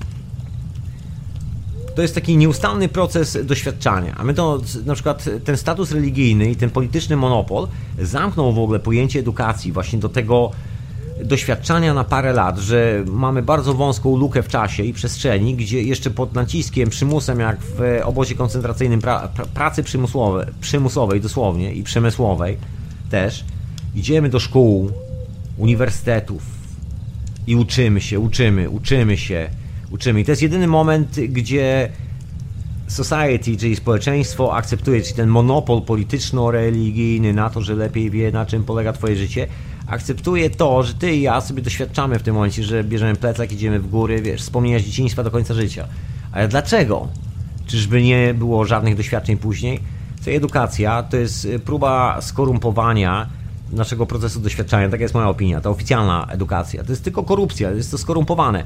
Ja akurat szczęśliwie lub nie wylądowałem w takich zawodach i z takimi rzeczami w życiu, że jestem, jestem zmuszony właściwie, ale i na sprawę, lubię, uczyć się cały czas w, w każdym zajęciu, które wykonuję. Po prostu jest to takie zajęcie, które wymaga bycia na bieżąco i edukowania się nieustannie. Ja nie mogę sobie pozwolić na to, znaczy mogę, ale to nie ma żadnego sensu, bo w tym momencie nie byłoby sensu robienia tego, tego zajęcia. Bo to zajęcie wymaga tego, że odkrywasz ciągle coś nowego, ciągle czegoś się uczysz, że jest dokumentacja, że jest coś nowego, że jest nowa sytuacja dookoła, inni ludzie, inny świat i musisz akceptować przede wszystkim inne emocje, innych ludzi dookoła siebie, którzy przynoszą inne koncepty, albo podobne, albo kompletnie przeciwne. Musisz to po prostu zdealować ze sobą. Nie, nie powiem ci jak, ja to dealuję bardzo dobrze i bardzo lubię to robić. A ty jak to robisz, to już cię zostawiam. Ale to jest moje doświadczenie i ono jest na poziomie emocjonalnym. Ja później z tymi ludźmi, czy to siedząc we wszystkich biurach, e, w których ostatnio przesiedziałem ostatnie lata i we wszystkich, przy wszystkich komputerach, czy przy wszystkich substancjach, fiolkach i, i miernikach, gdziekolwiek nie siedziałem, to zawsze to jest ten proces doświadczania. Ja po prostu musiałem się czegoś naumieć, nauczyć. Coś sobie przeczytać, dowiedzieć się, z czym dealuję, a z czym nie. Pytanie, po co jest dyplom, yy, który dostajesz po studiach? Po to, żeby cię zatrzymać.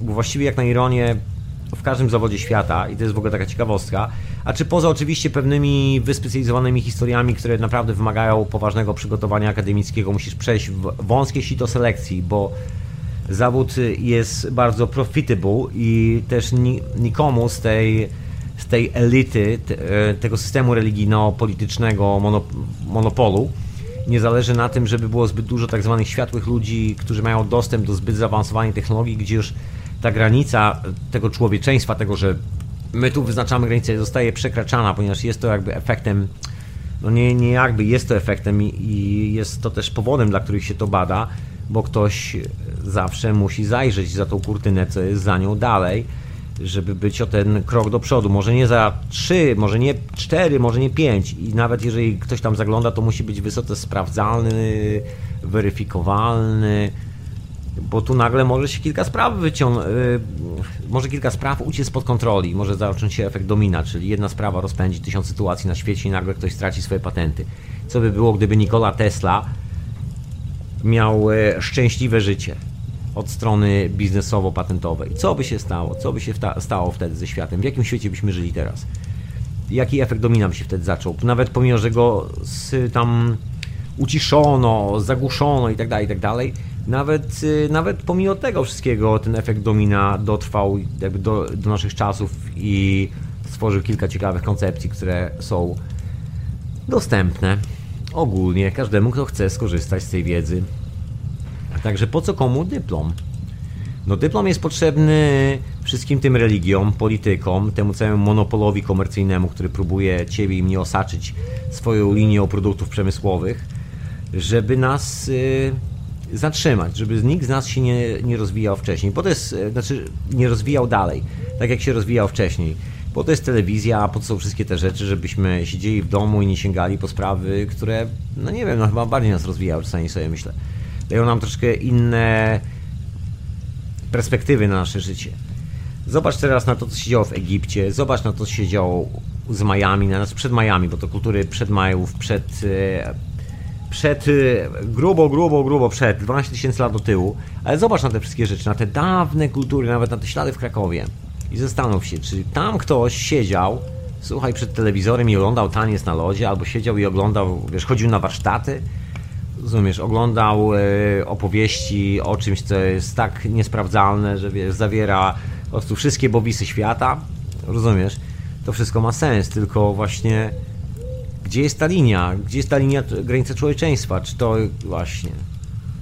Czy to nie jest przypadkiem ten moment, kiedy zatrzymujemy się tylko i wyłącznie na wymyślaniu sobie nowej religii, nowej teologii, ustaleniu sobie nowej granicy? To jest granica człowieczeństwa. To jest coś, co sobie każdy z nas sam wymyśla, indywidualnie.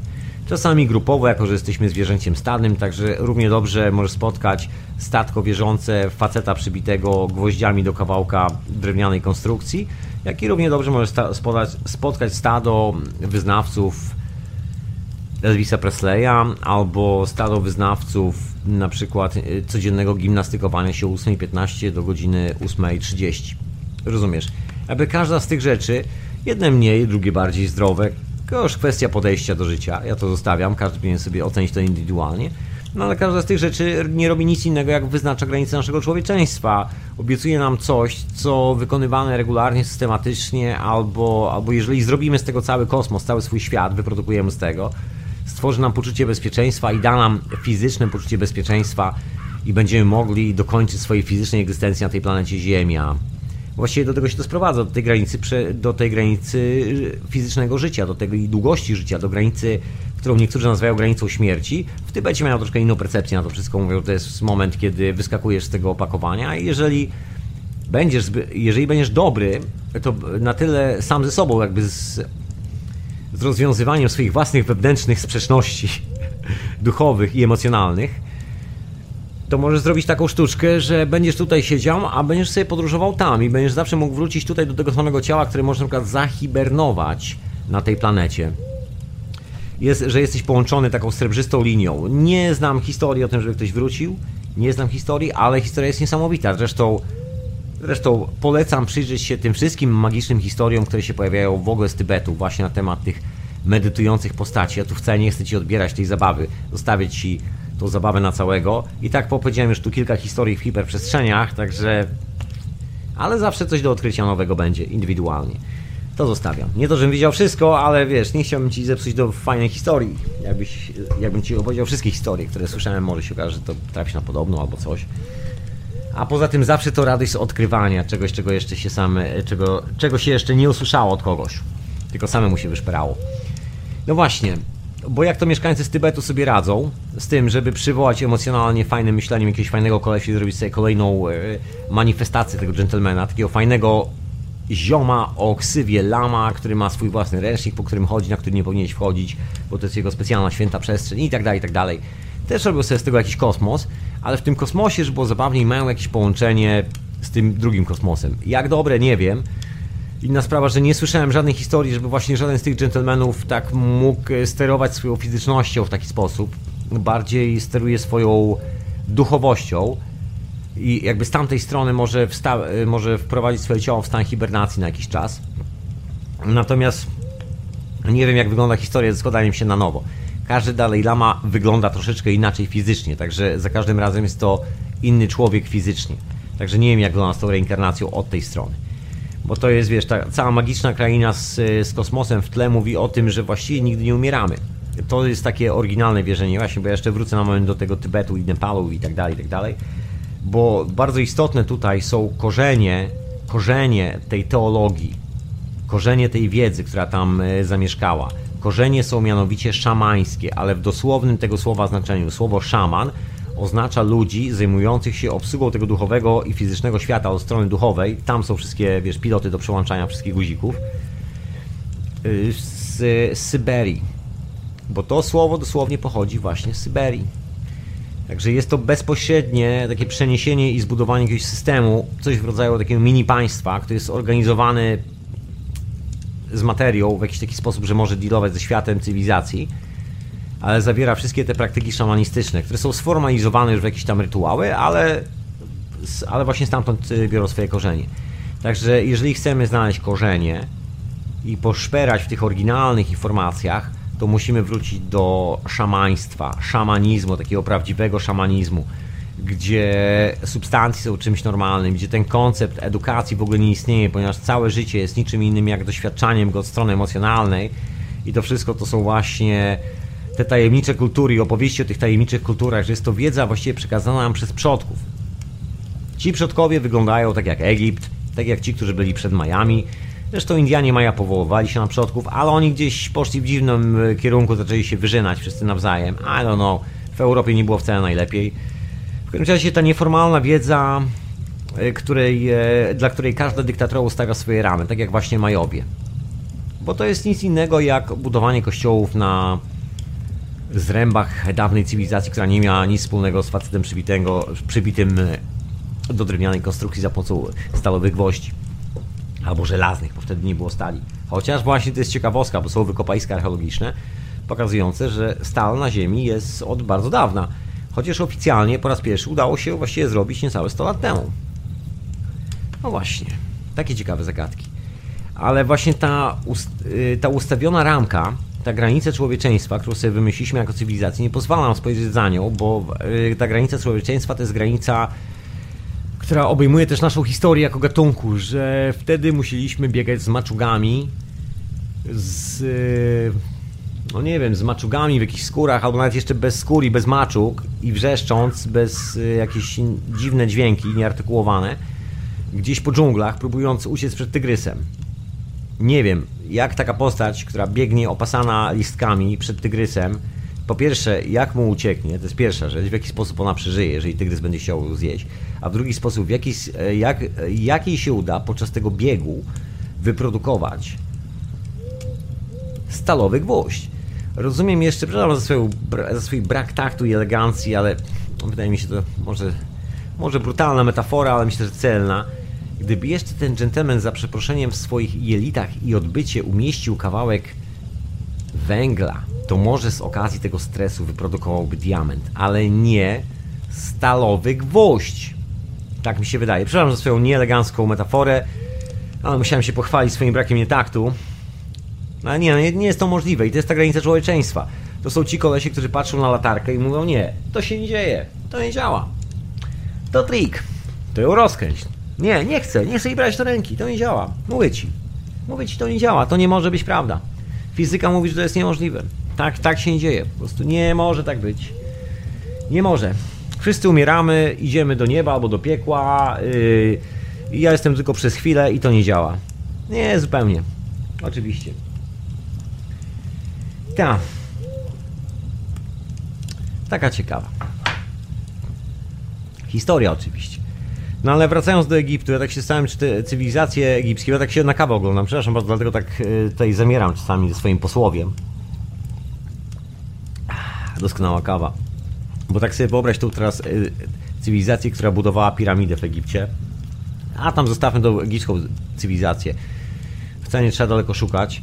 Wyobraźmy sobie tą cywilizację, która wycinała tymi e, trójkątnymi wiertłami otwory w, w Krakowie i cięła te bloki. Wyobraźmy sobie tą cywilizację, która która, słuchaj, że, która ma takie podejście do życia, że że niby że to, że to, że po mnie to choćby po to, że to ja jestem tylko najważniejszy na świecie, a w ogóle, a w ogóle to wam powiem coś po prostu, powiem, powiem, że po prostu wyrywam wszystkim staruszkom torebki i w ogóle kantuję i w ogóle jestem cwania i szukam w ogóle tylko dymu. I, taka, I tacy ludzie właśnie zrobili cywilizację w Egipcie, tak? No zastanów się, jak to jest możliwe doprowadzić cywilizację do rozwoju, kiedy cywilizacja składa się tylko i wyłącznie z cwaniaków, którzy marzą o tym, żeby jeden drugiemu wyrywać torebkę z kasą. Rozumiesz? A tym jest ta cywilizacja, taki jest paradygmat cywilizacyjny, że jak zaczyna się budowa jakiegokolwiek wielkiego wieżowca na świecie, myślę, że wszyscy, wszyscy zainteresowani w temacie doskonale wiedzą o co chodzi, ale ja powiem tak, żeby nie było, że e, takimi tajemnicami Poliszynela żongluję, że dochodzi zawsze do jakiejś potężnej korupcji, że kupuje się za grosze jakieś przewalone rzeczy, później się montuje, nikt tego nie widzi, wszyscy udają, że pracują, ale każdy robi tak, żeby jak najszybciej stamtąd wyjść. I to jest klasyczny numer. Wszyscy tylko chcą sobie wyrwać torebkę z kasą. Wyrwać sobie te banknoty. Czy wyobrażasz sobie, że ktokolwiek zrobił te wiercenia, właśnie mając takie podejście, że szedł do pracy, wyciągał taką technologię, tak zaawansowaną technologię, która daje mu możliwość stwarzania wszystkiego na świecie, dosłownie wręcz, bo tak to wygląda, że jeżeli masz już taką możliwość rozkręcania takich, takich wierteł w taki sposób, to wyobraź sobie całą resztę do, do, do tej technologii, która wiesz, bo to nie jest tylko jedno wiertło i tylko jedna dziura i na tym się kończy, że wiesz, że kolesie w skórzanych y, w skórzanych pokrowcach, zerwanych y, z zabitego dzidą jelenia, rozumiesz? wyprodukowali specjalne wiertło, które w jakiś dziwny, magiczny sposób przewierca się przez skałę, przez którą nic nie jest stanie się przewiercić normalnie. W taki sposób. Rozumiesz? I nie tylko. Ale no właśnie, właśnie. To to jest, y, jeżeli chodzi o porównanie do współczesnego świata, w ogóle niemożliwe ze względów intelektualnych. Nauka, współczesna nauka, coś co my nazywamy cywilizacją, po prostu nie dorosło część ludzi dookoła nas jest na poziomie, szczęśliwie nie ty i nie ja i nie wszyscy, ale jak zauważyłeś pewnie, bo ja też zauważyłem, ciężko nie zauważyć, część z nas dookoła jest na poziomie granicy człowieczeństwa. To, to jest taka granica. Ciężko, jeszcze ja sobie tak żartuję, że to jest granica człowieczeństwa, poniżej której kończy się właściwie chyba możliwość używania pojęcia człowiek, bo ciężko zaakceptować taką żywą istotę jako w ogóle istotę o nazwie człowiek. Bo ktoś, kto, wiesz, bazuje swoją i buduje swoją granicę o, o sobie, wiedzy, informacji, doświadczenia, czegokolwiek, jak, jakkolwiek to nazwiesz, od nauki o wybuchu, słuchaj, który idzie na centralnie e, kontrę z nauką o, o naturze, wiesz, z, no to jedyne to może zostać po prostu z cyklu, jak zostać największym idiotą na świecie. Bo to jest dokładnie tylko jeden kierunek. Jak zostać największym idiotą, jak, sprawdzi, jak sprawdzić ostrość gilotyny własną głową. Cywilizacja, która wyprodukowała gilotynę po to, żeby na koniec sprawdzić, że naprawdę jest najostrzejsza na świecie. I to jest dokładnie ten cały paradygmat oparty na, na śmierci, bo on akceptuje taką diametralną, radykalną ro- e, rozcinkę, nie wiem jak to na wycinkę w lesie, słuchaj wycinasz, wypalasz tą ziemię i budujesz tam nie wiadomo co, centrum supermarketów. Po prostu śmierć, śmierć, wszystko jest śmierć. Wiesz, ty żyjesz, idziesz do tego supermarketu, żresz to, wracasz do domu, umierasz, śmierć, nie macie. Słuchaj, to jest całe twoje doświadczenie, to tylko tyle, ile możesz, y, możesz zdobyć podczas procesu zdobywania dyplomów. A później siadasz przed telewizorem i oglądasz coś, co jest ci sprzedawane jako doświadczenie twoje życiowe. Oglądałem film o zwierzętach w Afryce, dlatego się wypowiem o tym, jak niebezpieczne są lwy. Obejrzałem film o bankierach, dlatego wypowiem się o tym, że, że, że dobrze jest mieć pieniądze. I dobrze jest mieć dużo rzeczy. I dobry jest biznes. I dobrze jest to robić, bo obejrzałem masę filmów dokumentalnych, masę, masę opowieści w telewizji o tym, jak fantastyczny i jak funkcjonalny jest ten finansowy świat, który wyznacza granice człowieczeństwa. Świat wielkiego korporacyjnego, religijnego i politycznego, monopolistycznego biznesu. I to jest dokładnie cała ta historia, gdzie znowu pojawia się granica człowieczeństwa. Do pewnego momentu każdy z nas jest człowiekiem, a później, jak niektórzy mówią, dorasta. I zamienia się w nie wiadomo kogo. Wyspa debilizmu. Taka ciekawa historia. Jest, jest tu w ogóle właśnie. I nawet tam jest schowana taka ciekawa historia, bo nawet tam, za tą granicą człowieczeństwa, gdzie mieszkają istoty, które, które dalej są ludźmi, ale zachowują się tak jak nie wiem co, nawet tam jest w ogóle. Nawet tam się kantują, nawet już tam w tym świecie, gdzie wszystko jest wykręcone do góry nogami, nawet tam wszystko te, nawet tam stawiają sobie dodatkową granicę. Jakby istota w ogóle funkcjonowania tego całego świata finansowego, korporacyjnego i właściwie polityczno-religijnego, bo cała religia na świecie, tak, taka jest prawda, wszystkie te monopole z Watykanu, wszystkie te monopole spod znaku Księżyca, spod znaku y, Gwiazdy Dawida, wszystkie te monopole są sklejone bardzo poważnymi pieniędzmi z każdym krajem na świecie, ze wszystkimi systemami politycznymi i tak dalej. To stąd się biorą wojny, dzięki temu polityk może wykonywać swoją pracę, która wydaje mu się pożyteczna dla świata bo on obsługuje tą linię konfliktu. To jest granica jego kosmosu. Nic więcej, granica człowieczeństwa. Dla mnie potem zaczyna się nie wiadomo co, nie wiem, nie próbuję tego nazywać, bo pff, ciężko się robi troszeczkę, ciężko znaleźć słowo, ale to jest ta granica człowieczeństwa, tylko że ta granica człowieczeństwa zaczyna się w drugą stronę, a się takim spadkiem mocnym w dół, tak bym to określił. Każdy spadek w dół, w dół to jest przyklejenie się do jeszcze większej grawitacji, tak bym to nazwał, dosłownie grawitacji, do wszystkich przedmiotów, całego główna tego świata. To jest taki, e, taki mój e, punkt spojrzenia na, to, na tą całą historię.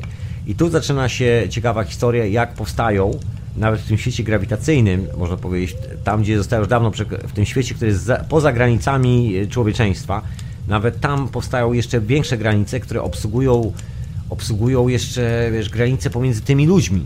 Ale to już taki sposób w ogóle granica granic. Czyli nawet religia, nawet wiara ma tam swoją granicę, czyli pieniądze. Tą granicą jest e, podwójny system bankowy. Na przykład taka ciekawostka. Kiedyś tam dawno, dawno temu w zupełnie innym podcaście, zdaje się, nazywał się Dokładka, wspominałem o tym parę razy. Kto złapał, to złapał. Od lat wiadomo, nie wszystkim. Teraz ta wiedza się e, rozprzestrzeniła po świecie. Bo widzisz, proces edukacji jest dosyć zabawny i ludzie przesiedli się ostatnimi laty troszeczkę sprzed telewizorów za komputery i nawet jeżeli oglądają filmy na tych komputerach, to pomiędzy filmami troszeczkę sami klikają, a jest to bardziej zaawansowana i chyba rozwijająca intelektualnie czynność niż klikanie numerkami na pilocie telewizora, bo na klawiaturze musisz czasami coś wpisać. Klikanie w banery nie zawsze daje dużo satysfakcji, czasami fajnie jest wpisać i poszperać yy, samodzielnie. No i ludzie znaleźli kilka informacji, także się troszkę roznosi po świecie powoli. Jest taka zabawna historia z tym, jak człowiek wyznacza, jak człowiek, który uznaje się za człowieka sukcesu, wyznacza sobie granice człowieczeństwa. Gdzie zaczyna się ten człowiek, który rządzi światem, a gdzie zaczyna się człowiek, który jest niewolnikiem. I nawet tam sobie wymyślono takie właśnie podziały, wewnętrzne podziały. I numer polega na podwójnej bankowości. Jest tak zwany drugi obieg bankowy, taki permanentny cynizm. Bo wiadomo, że pieniędzy na świecie jest tak dużo, że nikt nie jest w stanie tego przeżyć. I wiadomo, że gigantyczna ilość spraw, która się dzieje na świecie, takich jak płatności za wszystkie wojny, za transfery nielegalnych, y, uzależniających substancji, takich właśnie jak szczepionki, które całymi, tak, tak, tak, całymi wagonami są przemycane z kraju do kraju. Właśnie nie narkotyki, to jest największy dowcip, ale właśnie substancje farmakologicznie, farmakologiczne służące później jako szczepionki, jako komponenty do produkcji leków i tak dalej, i tak dalej. Jest tego trochę. Potężne ilości tego jest produkowane właśnie po to, żeby to przemycić nielegalnie. To nie nielegalne substancje zwane, wiesz, narkotykami. Jakbyś się zdziwił, jaka jest różnica, jak duży jest ten drugi obieg. I to jest jak najbardziej finansowy obiekt, który jest obsługiwany przez menadżerów, przez normalne fabryki, które są kupowane, sprzedawane, ktoś musi dostać wypłatę, musisz kupić komponenty, fabryki, maszyny i tak. Jest drugi obieg. Obieg inwestycji, bo to są te pieniądze, które widać. Natomiast te pieniądze, które są zarabiane, te 99 dolarów, które jest zarabiane z tego jednego dolara oficjalnie zarobionego z zainwestowanych 30 centów, te gdzieś te 100 dolarów, tam 99 dolarów musi być gdzieś schowane. Nie da się wszystkiego zamienić na złoto, wszystkiego zamienić na diamenty i dzieła sztuki, bo to jest, widzisz, to też jest granica człowieczeństwa. Też wiadomo, że nie dla wszystkich ludzi na świecie będzie to miało wartość, ale wiadomo, że pieniądze, pieniądze i pożądanie do pieniędzy ponoć jest bezgraniczne. Także tam wytyczono właśnie tą granicę nowego człowieka, człowieka komercyjnego. I jest coś takiego jak kawałek prawdziwej rzeczywistości, bo nawet, e, nawet ten kosmiczny świat, ten abstrakcyjny świat musi mieć kawałek rzeczywistości, musi, musi być sklejony gdzieś z organicznym światem, żeby, żeby jeszcze przetrwał te ostatnie wiesz, kawałki, sekundy trwania, wiesz, gdzieś uczepiony pazurami do tej ściany prawdziwego życia. I jako toksyczny twór, który no nie jest w stanie sam się utrzymać przy życiu. Chcę Ci opowiedzieć o ciekawej historii w ogóle związanej z bankowością, ponieważ ten świat yy, tej po drugiej stronie granicy człowieczeństwa ma taką, taką ciekawą historię, historię bankowości. Ja może opowiem to w formie bajki. Sobie możesz mi wierzyć lub nie, opowiem Ci historyjkę. Historyjkę. Wierz mi lub nie, opowiem Ci historyjkę.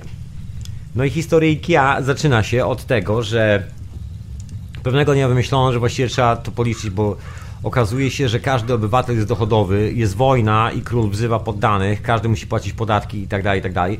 Wiesz, religia, wszyscy wierni, spisani, cały czas monitorowani i tak dalej, i tak dalej. Anyway, system bankowy wpadł, e, zauważył jedną rzecz, że dochodowy jest człowiek jako żywa istotka. My jesteśmy po prostu dochodowi. Cokolwiek byś nie zrobił, przez całe swoje życie zawsze coś zrobisz. Nigdy nie zrobisz tylko i wyłącznie dla siebie. Nawet taki buddyjski mnich robi bardzo dużo fizycznie roboty dla całej społeczności. On robi tą ciężką robotę, nie siedzi cały dzień medytuje, tylko czasami coś przemiele, coś tam, coś tam, coś tam. Niektórzy medytują, niektórzy nie. Różne, różne rzeczy robią. Tak czy siak, każdy z nas wykonuje jakąś aktywność życiową i ta aktywność, jeżeli zabierzesz mi to, co sobie wyhoduję, no to wiadomo, że ty będziesz miał więcej, a nie ja. I, ale wiadomo, że ty już nie musisz wykazywać aktywności.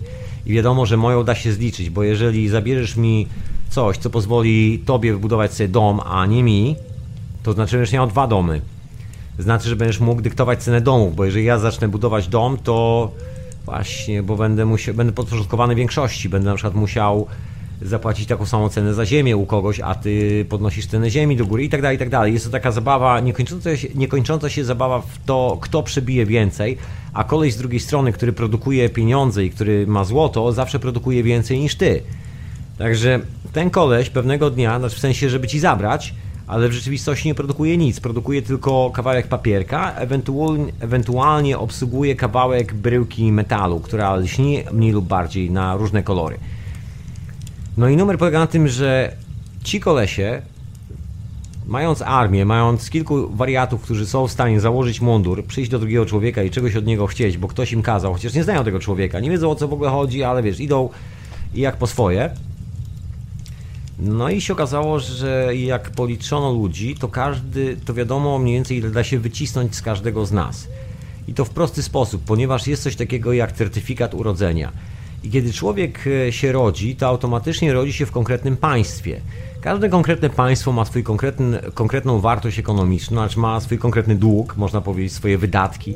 Grupa cwaniaków zwana politykami kupuje karabiny, robi wojny, wszystkie te rzeczy, ale każdy obywatel, kiedy się robi, ro, kiedy się, kiedy się, tak, kiedy się robi, kiedy się robi obywatela, a robi się go w momencie urodzenia, dostaje swój numer i automatycznie otwierane jest konto w takim drugim systemie bankowym. I to jest rzeczywiste konto każdego z nas. Oparte na dacie urodzenia. Można sobie sprawdzić, jeżeli ktoś wie jak. Nie, nie wiem jak jest z polskimi paszportami, e, tak jest z kilkoma paszportami na świecie, że sobie wpisujesz e, odpowiedni numer z paszportu. Znajdź sobie na internecie, jest na ten temat dosyć sporo informacji. To, że nie jest popularny, nikt ci o tym nie mówił, to już nie moja sprawa. W każdym razie masz e, akt urodzenia i akt urodzenia ten sam numer, bo to jest, bo to jest numer z aktu urodzenia, automatycznie stajesz się własnością fizyczną państwa, w którym się rodzisz, czy jesteś papierem skarbowym, obligacją państwową, obligacją bankową dokładnie mówiąc. Czyli de facto sam fakt to, tego, że powstałeś, że rodzice cię zrobili, mama cię urodziła, nakarmili w ogóle i ty w ogóle chodzisz, to od momentu, kiedy się rodzisz, dostajesz numerek jak w obozie koncentracyjnym. Tak, tak, właśnie, tak to wygląda. I automatycznie stajesz się akcją, ponieważ każde państwo uczestniczy w grze na giełdzie. Każde państwo jest y, nie bezpośrednio, ale pośrednio poprzez przedsiębiorstwa i nie tylko, i tak dalej, i tak dalej, poklejone z giełdą. Przecież kurs każdej waluty, każdego kraju zależy od giełdy. Jeżeli chcesz położyć kraj, kładziesz jego walutę. Ten kraj dosłownie w przeciągu 5 minut znika z takiej oficjalnej ekonomii. Prosta historia. I każdy obywatel każdego kraju rodzi się jako akcja. I ta akcja ma swoją wartość. Ta, I każdy rząd, pomnażając te wszystkie dochody, które pomnaża, a widzisz, ty nie wiesz o tych dochodach, bo oficjalnie każde państwo ma długi. Ale to oficjalnie. Bo musi płacić bankom i tak dalej. Ale z drugiej strony, ty jako akcja należysz do banku światowego, takiego globalnego banku, który nigdy nie ma długów. Ten bank właściwie, w tym banku są zadłużone wszystkie kraje. I teraz, jeżeli sprawdzisz, ile jest warta Twoja obligacja,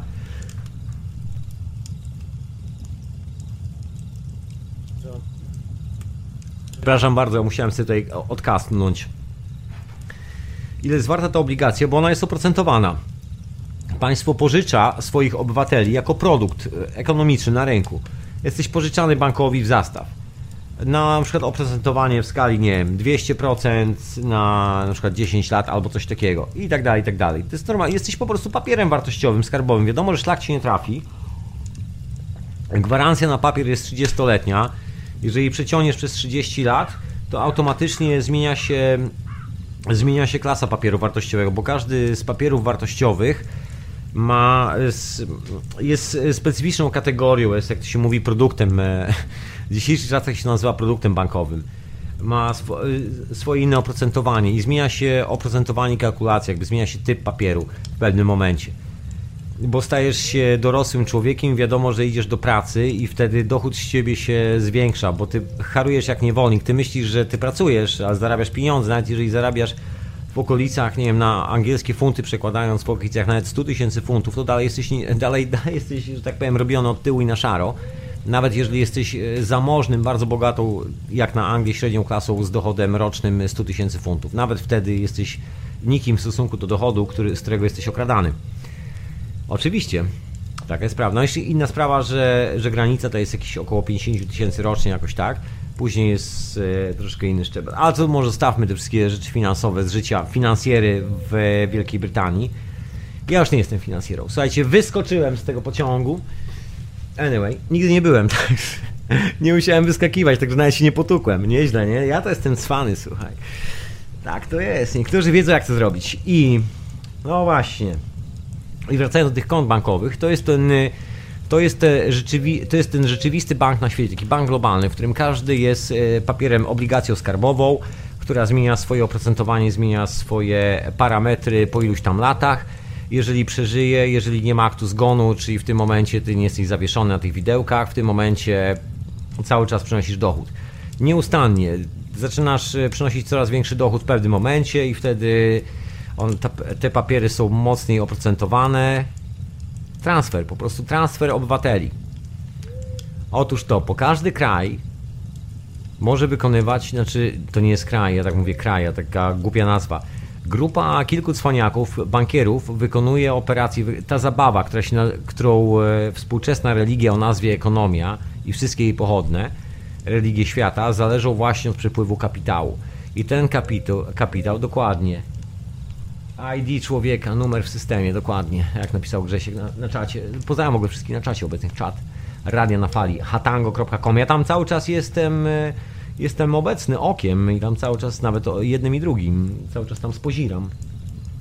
Ale wracając do tego, do tego konta i do, do, naszego, do, do naszej wartości. Nasza wartość dla instytucji finansowych, ponieważ e, jest bardzo istotna, ponieważ no nie możesz załadować pieniędzy w złoto aha, jeżeli ktoś jest miłośnikiem bitcoinów i zastanawia się skąd, co i co, to dlatego, że bitcoin e, ma zastąpić złoto, jakby to jest, nie da się złamać tego kodu, wiadomo, że się skończy pewnego dnia, wiadomo, że i tak wszystko, cała ekonomia funkcjonuje cyfrowo, wiadomo, że złota i tak nikt fizycznie w rękach nie trzyma, wiadomo, że i tak nie handluje się sztabkami w sklepie, nie, nie funkcjonuje to w handlu, Także to jest tylko kwestia paradygmatu w głowie, zatem e, niech nikogo nie dziwi skok e, bitcoina do góry. To jest, to jest nowe złoto, jeżeli o tym jeszcze nie wiesz.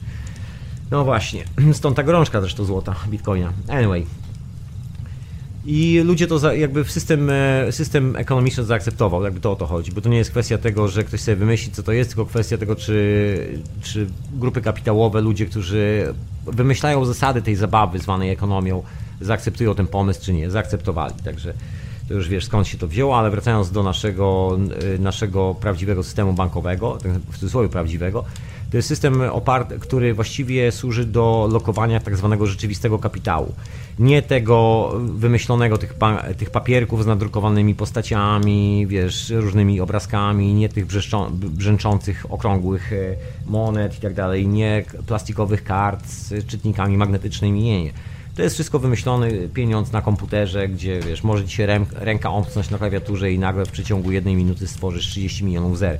Nie ma naprawdę żadnego problemu z tym. To i tak nie istnieje, wszyscy o tym wiedzą. W bankach nie ma tych pieniędzy. To jest taka, wiesz, wymyślona wartość długu. Ale, ta, ale jest coś, co służy do takich rozliczeń, żeby wszyscy ci, którzy robią tą wartość długu, wiedzieli albo sobie mogli coś szacować, czyli zasoby. Wiadomo, że złoto nie jest tym zasobem. Po pierwsze, złoto można produkować, i to nie jest dowcip, mówię o tym e, w hiperprzestrzeni już od bardzo dawna, że są patenty na produkcję złota, są metody na produkcję złota, każdy z dużych mocarstw na świecie produkuje własne złoto i, i rynek jest kontrolowany przez e, nawzajem się pilnują. Jeżeli ktoś podskoczy, to rynek może, może zostać zalany przez na przykład nie wiadomo skąd potężne ilości złota. Także dolar nie jest liczony na przykład w złocie, jest liczony w ropie, ponieważ ciężko wjechać w ciągu 5 dni, nawet nie 5 dni, w ogóle ciężko wjechać w przeciągu dosłownie jednej minuty na giełdę i zamknąć wszystkie kursy, ro, e, kursy ropy i w ogóle zniszczyć cały rynek naftowy, gazowy i tak dalej, i tak dalej. Na przykład e, machlojkami giełdowymi tego się nie da, ponieważ platform wiertniczych, pól naftowych pilnują uzbrojeni ludzie. i wojsko dookoła lata. I to nie jest tak, że zamkniesz ten biznes w ciągu jednego dnia. Spróbuj zaatakować stację benzynową i zobaczysz, jaka przyjdzie, jaka przyjdzie z tego kara, a później spróbuj e, zaatakować na demonstracji jako policjant e, przeciwników, na przykład tego, że rząd chce frakować ci ziemię i zatruć wodę i wydobywać z tego ropę. Rozumiesz? Zobacz, jaka jest różnica niby ten, e, niby ten sam świat, ta sama planeta, wiesz, jeden kraj, jedni ludzie, wiesz, a jest granica człowieczeństwa, jeden już człowiekiem nie jest, a drugi jeszcze jest. No więc wracając do tego naszego systemu, tak ciągle odpływam na te wszystkie niuanse. Gdzieś trzeba było zalokować te pieniądze. Wiadomo, że ropa też nie jest czymś, w co zalokujesz pieniądze, bo ropa jest najbardziej głupim pomysłem na pozyskiwanie ropy, tak samo węgiel, znaczy na pozyskiwanie energii, tak samo węgiel, pozostałe rzeczy. Wiemy o tym już od 100 lat. To, że jest to używane i że taki jest paradygmat cywilizacyjny, technologiczny, to nie dlatego, że się nie da inaczej, tylko dlatego, że jest to sytuacja, którą bardzo łatwo zmonopolizować i kontrolować. Ty nie otworzysz sobie rafinerii ropy naftowej, nie otworzysz sobie szybu naftowego i nie otworzysz sobie kopalni i nie sprzedasz tego na własnej stacji benzynowej wyprodukowanego w swojej własnej piwnicy, także sorry. Musisz mieć wszystkie możliwe licencje i nie tylko. Wiesz o co mi chodzi. To nie jest coś dla normalnego, przeciętnego człowieka z ulicy. To jest tak zabezpieczone, żeby nikt poza mafią nie mógł tego kontrolować. No więc yy, prosta historia. To nie są żadne zasoby, bo to są zasoby, które właściwie i tak w całości należą do tej mafii, która kontroluje wszystko. Jedynym zasobem, którego nie kontroluje tego mafia i właściwie na którym zależy, to są użytkownicy tego całego zabawnego świata, który został stworzony, tej cywilizacji, czyli normalny człowiek. Dlatego ten normalny człowiek ma swój numer identyfikacyjny, tak to się nazywa. To jest numer, yy, numer akcji po prostu giełdowej i od urodzenia każdy z nas jest sprzedany dosłownie na giełdy jak niewolnik. I do pewnego momentu y, nasze obligacje jesteśmy oprocentowani zyskiem takim rocznym, do pewnego momentu zyskiem takim rocznym. Dziwisz się, jak można oprocentować dziecko. Wyobraź sobie, ile ludzie pieniędzy wydają na dziecko, ile kosztuje dziecko w rodzinie. To wszystko trzeba kupić. Ten człowiek musi pójść do pracy, zarobić te pieniądze. To jest wszystko przeliczalne statystycznie. I od momentu, kiedy pojawiły się pierwsze komputery, ta sieć e, ruszyła naprawdę mocno z kopyta. Mowa jest o ostatnich 30 chyba latach, czy jakoś tak. Ten numer był wcześniej już liczony, spisywany i windykowany, można powiedzieć, ale ale tak oficjalnie ten, e, ten system chyba 80, lata 80., pierwsze systemy komputerowe, tak zwane sztuczne inteligencji, czyli te duże komputery, nie? że niby wszyscy szukają sztucznej inteligencji. Chodzi o przeliczenie dużej ilości danych personalnych, które należą do, które nie są danymi personalnymi, tylko to są akcjami są zasobami banków, które są właścicielami konkretnych społeczności, konkretnych banków i ziemi, na których żyje ta społeczność. A właściwie bardziej chodzi o to społeczność. Bo co znaczy ta ziemia bez tych ludzi?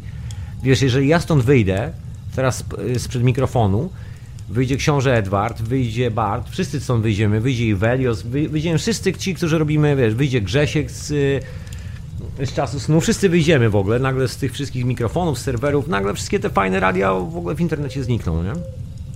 To nie jest kwestia, że te miksery, mikrofony robią za nas tą robotę, ziemia, na której y, stoimy. Rozumiesz, co mi chodzi? To my robimy tą robotę. Wyobraź sobie, że z fabryki wychodzą nagle ludzie. Kto zrobi tą robotę? Teraz y, są maszyny. To już wiadomo dlaczego robotyzacja, dlaczego taniej. Bo maszyny, jeżeli należą do dużego koncernu, można ulokować w miejscu, w którym jest, y, no wiesz, tanio. Taniej niż na przykład e, operowanie ludźmi, ale z drugiej strony to też i tak, i tak już nie gra roli, bo ludzie, którzy budują te maszyny, które później stoją w fabryce, są tak samo, są lepiej e, oprocentowani niż te maszyny. Bo maszyna się zepsuje, człowiek też się zepsuje, ale jak człowiek się psuje, to drugi człowiek biegnie mu na pomoc. I jeżeli trzeba będzie wydać pieniądze na terapię nowotworową, to nawet cały kraj się zadłuży, będzie specjalny program terapii nowotworowej przez fundowany przez Ministerstwa Zdrowia, czy NHS, czy cokolwiek się to nazywa, fundacje rządowe, prorządowe i duże koncerny, wszystkie, łącznie z naftowymi dookoła.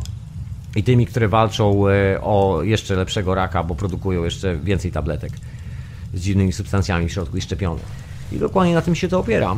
Cała zabawa. I wiadomo, że te prawdziwe zasoby są prawdziwymi zasobami, nie można ich mylić z tym wirtualnym pieniądzem, który jest tworzony na zewnątrz w każdym z tych banków na zewnątrz, takim normalnym, w tej dekoracji, która jest wybudowana dla nas, bo ten oficjalny system bankowy, to jest jakby ci porównać, to jest dekoracja. To są takie inscenizowane scenki z klaunami dla y, lokalnych społeczności, które używają, które się wciąga do zabawy zwanej operacje finansowe na pieniądzach.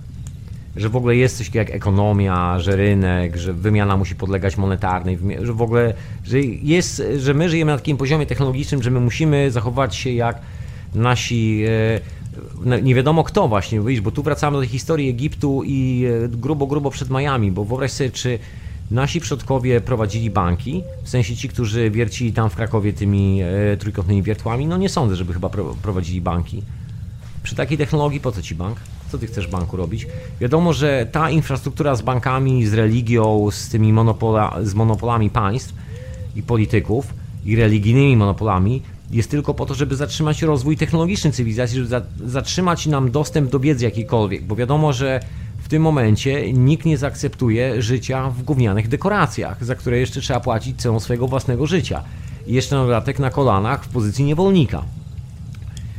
Możni tego świata doskonale o tym wiedzą, dlatego starają się nam e, uprzyjemnić życie w tych dekoracjach jak tylko mogą i zaangażować nas e, na siłę. Jeżeli nie chcesz pieniędzy, nie chcesz operować dolarami, to przyjedzie do Ciebie amerykańska armia, z helikopterów zeskoczą i będą ci przykładali pistolet do głowy i będą mówili, że musisz operować amerykańskim dolarem, bo bez tego umrzesz.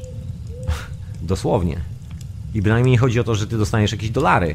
I oni ci zabiorą nawet, jeżeli jakiegokolwiek masz. Ty po prostu musisz wyciągnąć tego dolara, wykonać operację finansową, następnie dopiero umrzesz.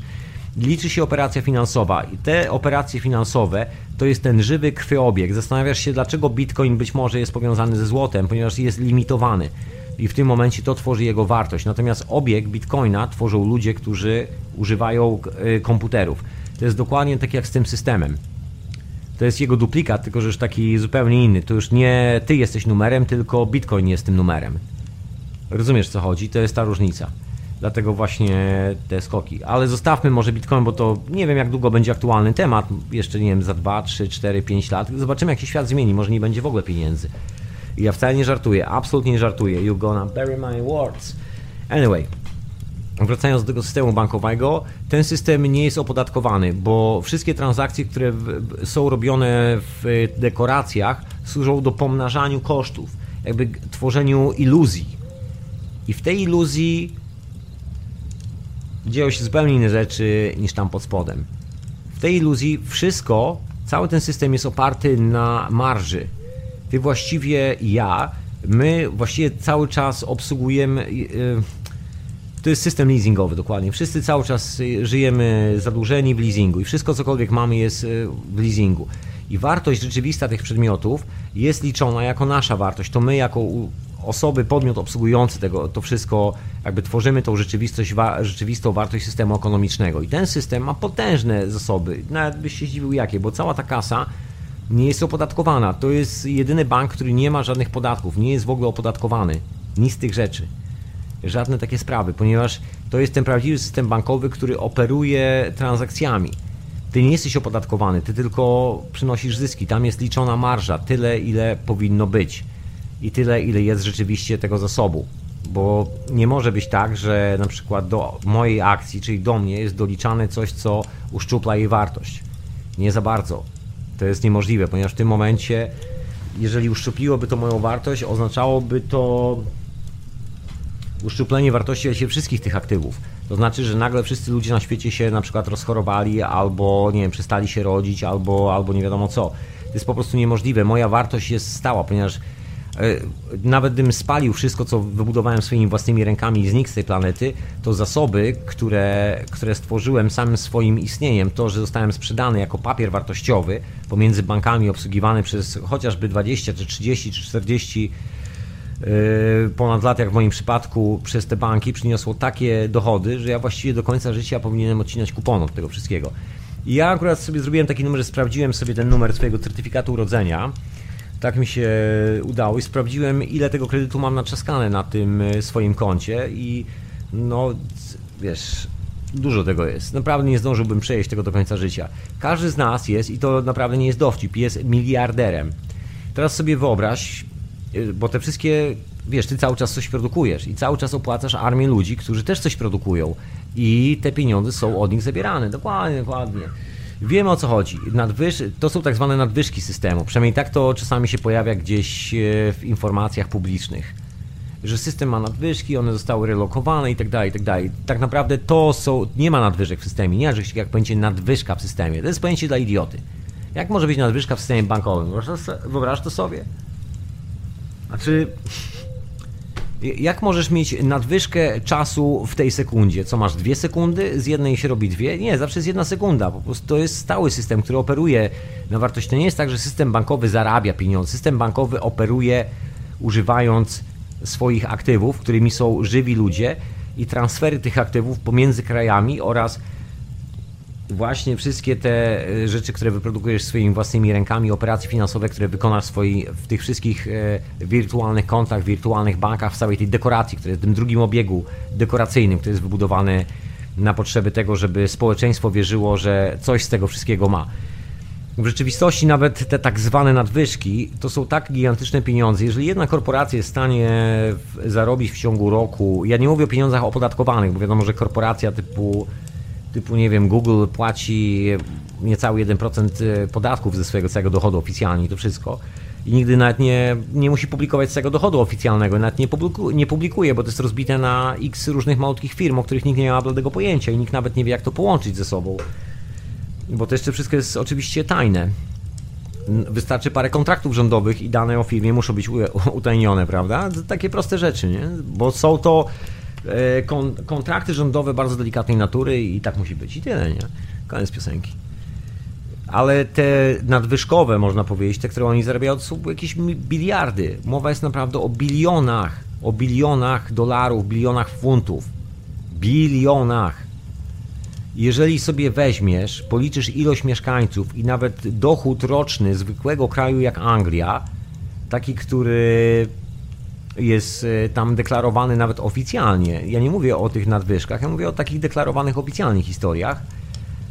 To wiesz, ile wychodzi na obywatela w tym kraju? Wiesz, ile człowiek powinien dostawać pieniędzy za to, że jakiś, że bank, który tutaj zarejestrował jego urodzenie i zarejestrował go jako towar i operuje tym człowiekiem jak niewolnikiem, jako towarem, jako zasobem, e, lokatą swojego kapitału, która cały czas mu przynosi dochód, bo ty cały czas musisz kupić ubranie, buty, rozumiesz, cały czas przynosisz dochód, jesteś lepszy niż jakakolwiek maszyna w, gdzie, gdziekolwiek, bo maszyna nie działa na emocje. Żeby maszyna zużywała więcej prądu, musisz ją zaprojektować, musi, muszą inżynierowie się, musisz w cholerę kasy w to włożyć. A człowieka wystarczy, że postraszysz, y, wypuścisz na niego paru wariatów z karabinami i on od razu płaci ci dwa razy więcej. To jest naprawdę tak tani biznes, tak zajebisty, że po prostu się w głowie nie, nie mieści.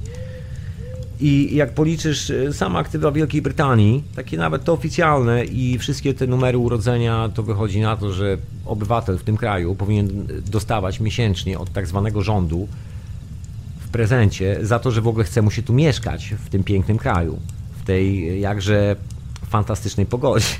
Ciekawej, takiej deszczowej. Wiesz. Jeżeli lubisz taką zmienną deszczową pogodę, wieczną, atrakcyjne niebo, na które się ciągle zmienia, bo jest dużo chmur, przegania z jedną i drugą stronę. Jeżeli lubisz tak, takie malownicze niebo, to rząd powinien ci płacić w okolicach na dzień dobry około od 10 teraz, od 10 do no nie wiem, no chyba 30, tam do, nawet do 50 tysięcy funtów tygodniowo.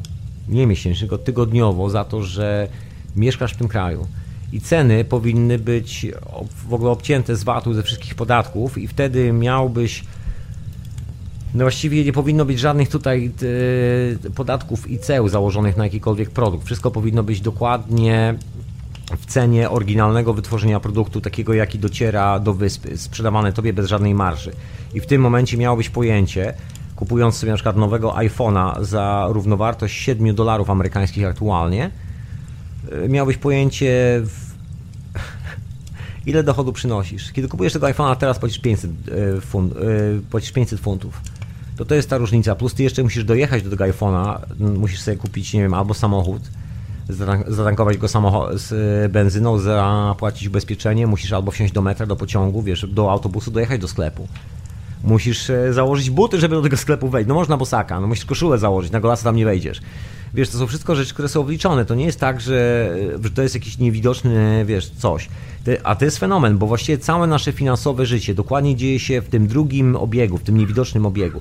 Aha, i powiem Ci najlepszy numer, że są e, dojścia do tego drugiego obiegu, są konta, z których się wypłaca miejsca, ponieważ jest to kasa, która jest liczona, jest sprawdzalna, to jest, e, to jest te, tego się nie da, to jest po prostu taka skarbnica, jakiś skarbiec, po prostu oficjalny bank, nie, nieoficjalny, oficjalny bank wszystkich zasobów finansowych tej zabawy zwanej ekonomią. Jeżeli masz dostęp do swojego konta, znasz numer swojego konta i jesteś w stanie go wygenerować, wiesz jak to zrobić, nie jest to taka łatwa operacja, ale spróbuj, może ci się uda, to w tym momencie możesz bardzo małymi sumami, tak żeby system, e, system ci wypłacać sobie te pieniądze. Nie wiem jak to wygląda w praktyce, znaczy wiem, że są ludzie, którzy z tego korzystają, może w ten sposób. Z tego się korzysta do finansowania bardzo drażliwych transakcji, na przykład opłacania grupy ludzi, którzy później przebierają się za bandę Arabów i na przykład będą namawiali innych, którzy są Arabami, żeby, że oni coś tam, żeby zrobili jakiś dym. Trzeba z czegoś finansować terrorystów, trzeba z czegoś finansować te rzeczy. Gdzieś te pieniądze z narkotyków e, z, zwanych, wiesz, dziwną chemią i nie tylko, trzeba czyścić. To jest właśnie ten obiekt, gdzie się wypłaca bezpośrednio gotówkę na konta. I najlepszy numer polega na tym, że to są takie konta VIP. One nie są, e, wpłaty z tego konta są tylko ewidencjonowane na Twoim koncie. Jeżeli zamknie jakby znaczy nie są, może tak, nie są widoczne. Widoczna jest tylko gotówka, może w ten sposób. Natomiast, żeby było zabawniej, jest to dokładnie to samo konto, z którego twój bank, kiedy potrzebuje wypłacić pieniądze i przelać jakiekolwiek pieniądze, bo twój bank, w którym trzymasz swoje plastikowe karty, swoje pieniądze i tak dalej, i tak dalej, właściwie jest takim samym kolesiem jak ty. To jest taki drugi koleś jak ty, który ma po prostu inną kartę z innymi pinami do innego bankomatu. I to jest jedna różnica pomiędzy nim a tobą. On nie ma żadnej strategii, nie ma żadnych, żadnych takich pomysłów. To, to jest taki bullshit, który jest wymyślany, wiesz, po to, żeby świat miał w co wierzyć. Tylko po to. Natomiast y, jeżeli są potrzebne pieniądze i potrzeba dokonać transakcji, to szef tego banku wkłada tą, tą, y, posługuje się właśnie wypłatami z tego konta. Z tego samego konta, które jest właśnie, na, który, na których są nasze ID y, accounts. Dokładnie z tego samego. To jest skarbnica kasy na całym świecie dla systemów finansowych. Tam się trzyma tą kasę, stamtąd się wypłaca, stamtąd się robi przelewy, za pomocą tamtego systemu finansowego przesuwa się gigantyczne fundusze, właśnie za pomocą tego drugiego systemu. Przynajmniej takie historie ja tu słyszałem. No właśnie, to może jakąś muzyczkę puszczę, to jakąś e, świeższą muzyczkę puszczę. Tak ostatnio puszczałem takie starocie. Może takie nowsze troszeczkę odkrycie. A ty sobie pomyśl o tych bankach i o tym, jak to wygląda. Bo to, słuchaj, jesteś właścicielem dokładnie tego samego konta, w skrócie mówiąc, co bank. Jeżeli bank musi wypłacić sobie kasę, to korzysta dokładnie z tego samego banku, w którym, którego ty jesteś e, też użytkownikiem. Tylko, że ty jesteś poprzez swój, e, tylko i wyłącznie swój ID, numer urodzenia ta, przez, y, przez numer swojej obligacji tym banku. To jest numer, numer Twojej obligacji z numerem Twojego konta. Natomiast y, prezes banku dysponuje dwoma numerami. Jeden na swoje imię i nazwisko, na datę swojego urodzenia, czyli ma swój indywidualny numer obligacji oraz oficjalną kartę, którą dostaje, żeby mógł się logować do konta banku, które zostaje założone, po to, żeby bank mógł y, funkcjonować w tym systemie E, finansowym. Kiedy pani w okienku prosicie o 5 minut, e, w, w, momencie, kiedy akurat wpadłeś tam po kredyt na mieszkanie, prosicie o 5 minut przerwy, bo ona idzie skserować twój dowód osobisty i potwierdzić twoją tożsamość, tak naprawdę ta pani, nawet nie zdając sobie sprawy, łączy się dokładnie w tym systemie elektronicznym, w którym jest podłączony ten drugi obieg, to właśnie te wszystkie konta oparte na twojej, na twojej dacie urodzenia, konta oparte na twoim papierze skarbowym, na twojej obligacji, i sprawdza tam, czy Twoja obligacja nie jest obłożona jakimś kredytem, bo wszystkie kredyty, wszystkie tego typu rzeczy są tam, e, są po prostu monitorowane, znaczy monitorowane, są zapisywane. Także Pani bezpośrednio wie, jaka jest, e, znaczy ona nie widzi Twojego konta, ona nawet nie wie, że coś takiego jest. Ona nie może tego wiedzieć. Ona widzi tylko wynik, który podaje specjalna aplikacja przeliczająca Twoje możliwości kredytowe, w sensie tyle, ile wydałeś, pieniędzy, ty, tyle ile jest warta twoja, ale nie, nawet nie fizycznie w sensie, wiesz, że ty masz dobrą albo złą pracę, to chodzi w ogóle o status twojej obligacji, który, twojej, tej, wiesz, tego papieru skarbowego, tego twojego numerka, który jest sprzedawany pomiędzy bankami na wypadek takich poważnych rzeczy jak wojna i tak dalej. Tam nikt nie liczy takiej drobnicy, że tam zarobisz sobie rocznie parę milionów dolarów. To kogo to obchodzi? To naprawdę jest, słuchaj, drobnica w tym systemie. To naprawdę jesteś nikim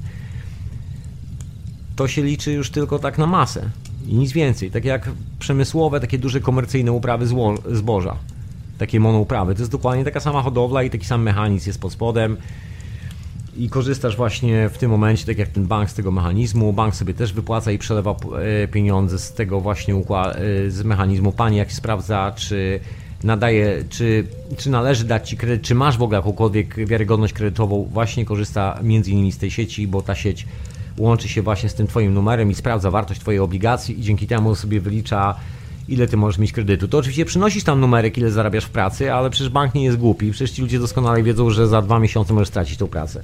Rozumiesz? Okej, okay, dobra, masz kontrakt na 20 lat w pracy. A co będzie za 20 lat, jak, y, jak twój dług jest na 30? Wiesz, oczywiście nie jest to żaden problem dla banku, bo bank już zarobił w momencie, kiedy sprzedał ten dług, także to jest inna sprawa bo ty się zobowiązałeś do wykonania planu ponad normę jeszcze ekstra.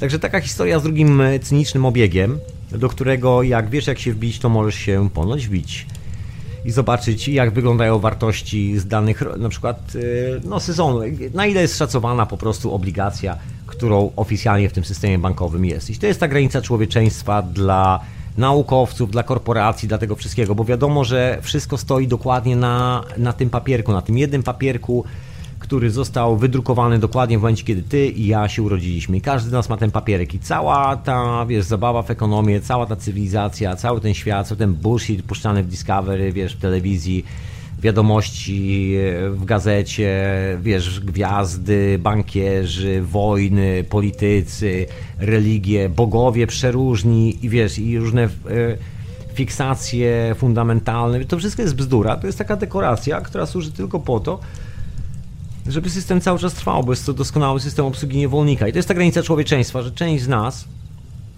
zdecydowanie e, chętnie nawet by może nawet wybrała jakąś wolną, wiesz, wolną wolę, wolne życie, nawet by chętnie może zapaliła joyta, ale już w momencie, kiedy zaczynają się wizje, kiedy zaczyna się troszkę inny świat, kiedy, kiedy ta edukacja, kiedy doświadczenie się rozszerza i to rozszerza się dosyć drastycznie do przodu, kiedy rozumiesz, że to, co widzisz na dole, parę metrów pod spodem, to jest właśnie twoje fizyczne ciało, które, którym jeszcze manipulowałeś sekundę temu, a teraz, słuchaj, wisisz sobie na zewnątrz.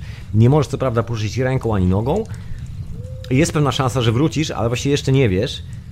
Ale tak czy siak, słuchaj, to ty jesteś tu, tu gdzie jesteś. Na dole jest twoje ciało. I to jest ta granica człowieczeństwa. Czy, czy my, to kim jesteśmy, istoty i cywilizacja, którą sobie zbudowaliśmy, może bazować na numerze z aktu urodzenia, na robieniu z e, naszego życia obligacji do spekulacji na giełdzie? A myślę, że dobre pytanie na temat swojego własnego człowieczeństwa. Zmierzam do końca mojej refleksji na dzisiaj. Refleksja na temat człowieczeństwa. To sobie popijałem kawkę i zastanawiałem się tak do końca, jak ci to spuentować. Właściwie chyba puenta już się właśnie pojawiła przed piosenką. Tak się pośpieszyłem, pogoniłem. No tak, no ale puenta jest dosyć prosta. Jeżeli, e, jeżeli spoglądamy na swoje własne życie, ja myślę, że to jest, to jest taki idealny czas, właśnie ten okres historii, ta cywilizacja i tak dalej, i tak. Pod wieloma względami nie będę ich wymieniał w tym momencie. Szkoda naszego czasu. Każdy musi sobie sam to odpowiedzieć na te pytania. Jak zwykle. Dużo pytań i żadnej odpowiedzi. Jejku, jak tu żyć? No musisz przeżyć. W konklu... Dochodząc do konkluzji. Właśnie, dochodząc do konkluzji, słuchaj. Tej magicznej konkluzji na dzisiaj. Ta granica człowieczeństwa jest w nas samych. Jest to tylko i wyłącznie granica tego, jak emocjonalnie traktujemy to, co ja, no wiesz, to nie będę ja powiem, nazywam po prostu gównianą cywilizacją, bo to jest taka gównowarta cywilizacja dookoła, to nawet nie jest cywilizacja, to nie wiem jak to nazwać. I te nasze odruchy, które bazują na tym, że wiesz, że staramy się zapewnić swoją, swoją pozycję w tej cywilizacji, a jeszcze nie da ilości osiągnąć jakąś pozycję, zdobyć coś więcej, zarobić jeszcze więcej, jeszcze więcej i tak dalej, i tak dalej. To jest właśnie ta granica człowieczeństwa, to znaczy, że chyba, no nie wiem, w takim, w takim otoczeniu i wśród takiego towarzystwa na pewno nikt nie wymyśli nic nowego, co mogłoby zmienić losy świata, ponieważ każdy z ludzi, nawet tych najgłośniej deklarujących, przecież słuchaj, czarodziei, chodzących w dziwnych ubraniach, mówiących ci o pokojowych historiach i tak dalej, na świecie są miliony. Ilu z nich potrafi zrobić atmosferę, w której, wiesz, potrafisz pozyskiwać energię, technologia się rozwija bez patentów i tak dalej, i tak dalej. Żaden z nich. Ludzi medytujących na świecie są biliony. Być może dzięki nim jeszcze, jeszcze świat, kawałek świata się trzyma, chociaż ja w to nie wierzę. Tak do końca świat się trzyma na innych mocach. Tych też, ale są większe mocy, są tu większe mocy, które stwarzają kosmosy. Chociaż wszystkie są właściwie sobie równe, to też jest inna historia. Ciężko tu mówić o większych i mniejszych. Ale sama medytacja nie spowoduje tego, że wiesz, przed tobą pojawi się opcja posłuchania hiperprzestrzeni. Rozumiesz? Nie za bardzo. Nawet jeżeli tylko ty medytowałeś i ktoś ci przyniósł komputer, tutaj, gdzieś tam, gdzie siedzisz, słuchasz hiperprzestrzeni, wydaje ci się, że medytacja do tego doprowadziła, to, no właśnie, gdzie jest mój las? Gdzie jest mój las? Jest i las. To jakieś chińskie rączki musiały zmontować gdzieś ten wyświetlacz, na którym ty kliknąłeś OK. Jakieś chińskie rączki musiały zrobić coś innego, żeby ten wyświetlacz zadziałał. Jakieś inne rączki musiały gdzieś tam zaprojektować część pod tym wyświetlaczem, drugie rączki musiały zrobić coś innego, ktoś musiał nauczyć te rączki, jak obsługiwać wtryskarki do plastiku, żeby to opakowanie wyszło. Wiesz, to by się tak może wydawać, że ty usiadłeś, medytowałeś i dostałeś komputer. To tylko świadczy o tym, że jesteś idiotą, który, który jest takim egocentrykiem, że właśnie granica człowieczeństwa zaczyna się i kończy tylko i wyłącznie na twojej własnej dupie. Natomiast w rzeczywistości świat jest troszkę bardziej złożony i kompleksowy. I każdy z nas sobie doskonale zdaje sprawę, że siedząc w ten sposób i tak się świata nie robi. I tak zresztą nikt nie siedzi w ten sposób całe życie, taka jest prawda. Znakomita większość ludzi po prostu zawsze coś robi. Jest to naturalny odruch naszego organizmu, my zawsze sobie coś wymyślimy miłego, fajnego do robienia. I na tym bazuje właśnie cały ten koncept tego naszego konta. I to jest ta granica człowieczeństwa. Niezależnie od tego, co robimy i kim jesteśmy, z której strony przychodzimy, czy jesteśmy bankierami, czy jesteśmy kolesiami biegającymi w dziwnych ubrankach, bo no właśnie, bo boimy się, wiesz, koniecznie trzeba wyglądać inaczej. Trzeba robić show dookoła siebie. Przedstawienie najważniejsze, rozumiesz? To jest dokładnie to samo. Bankier przecież po co potrzebuje pieniądze? Bankier robi przedstawienie swoim garniturem, który kosztuje dziesiątki tysięcy funtów, a inni robią przedstawienie swoją egzotyczną sukienką i egzotycznymi, nie wiem, e, nickname'ami, egzotycznymi e, nie wiem, egzotycznym zachowaniem, po prostu, żeby zbudzić sensację. I to wszystko. Ale to jest dokładnie ten sam świat i to jest ta sama granica człowieczeństwa. Dopiero po przekroczeniu tej granicy człowieczeństwa i e, osiągnięciu, że tak powiem, rezultatu, nie wiem, możesz mieć maszyny w postaci czegoś od Nikoli Tesli, nie wiem, czegoś od Keszego, czegokolwiek, stary. Chodzi tylko o wiedzę, nie chodzi o konkretne nazwiska, o konkretne sprawy, chodzi o umiejętność obsługi czegoś takiego, co nazywamy edukacją. Jeszcze nazywamy edukacją, a bym nazwał to doświadczeniem, naszym własnym ducho duchowym emocjonalnym doświadczeniem. Jeżeli nie rezygnujemy ani ja, ani ty ze swojego doświadczenia do końca swoich dni, to nie ma czegoś jak granica człowieczeństwa. Nie ma czegoś takiego jak maszyna nie do wymyślenia albo sytuacja nie do, nie do zrozumienia. Nie ma czegoś takiego. To jest tylko i wyłącznie granica w mojej, ewentualnie twojej głowie. Tylko ja stwierdziłem, że to jest niemożliwe i tak sobie wymyśliłem, a w rzeczywistości nie ma pojęcia możliwe, niemożliwe. Wszystko z tego punktu widzenia, jeżeli ktoś powie, ale nauka widzi limity. Wiem, co widzi nauka, bo też studiuję czasopisma naukowe i to robię to systematycznie od lat. Niemniej, e, niemniej z tego, przynajmniej taka jest moja konkluzja, stwierdzę, że nauka widzi nic. Tam jest pustka. Dosłownie jest pustka.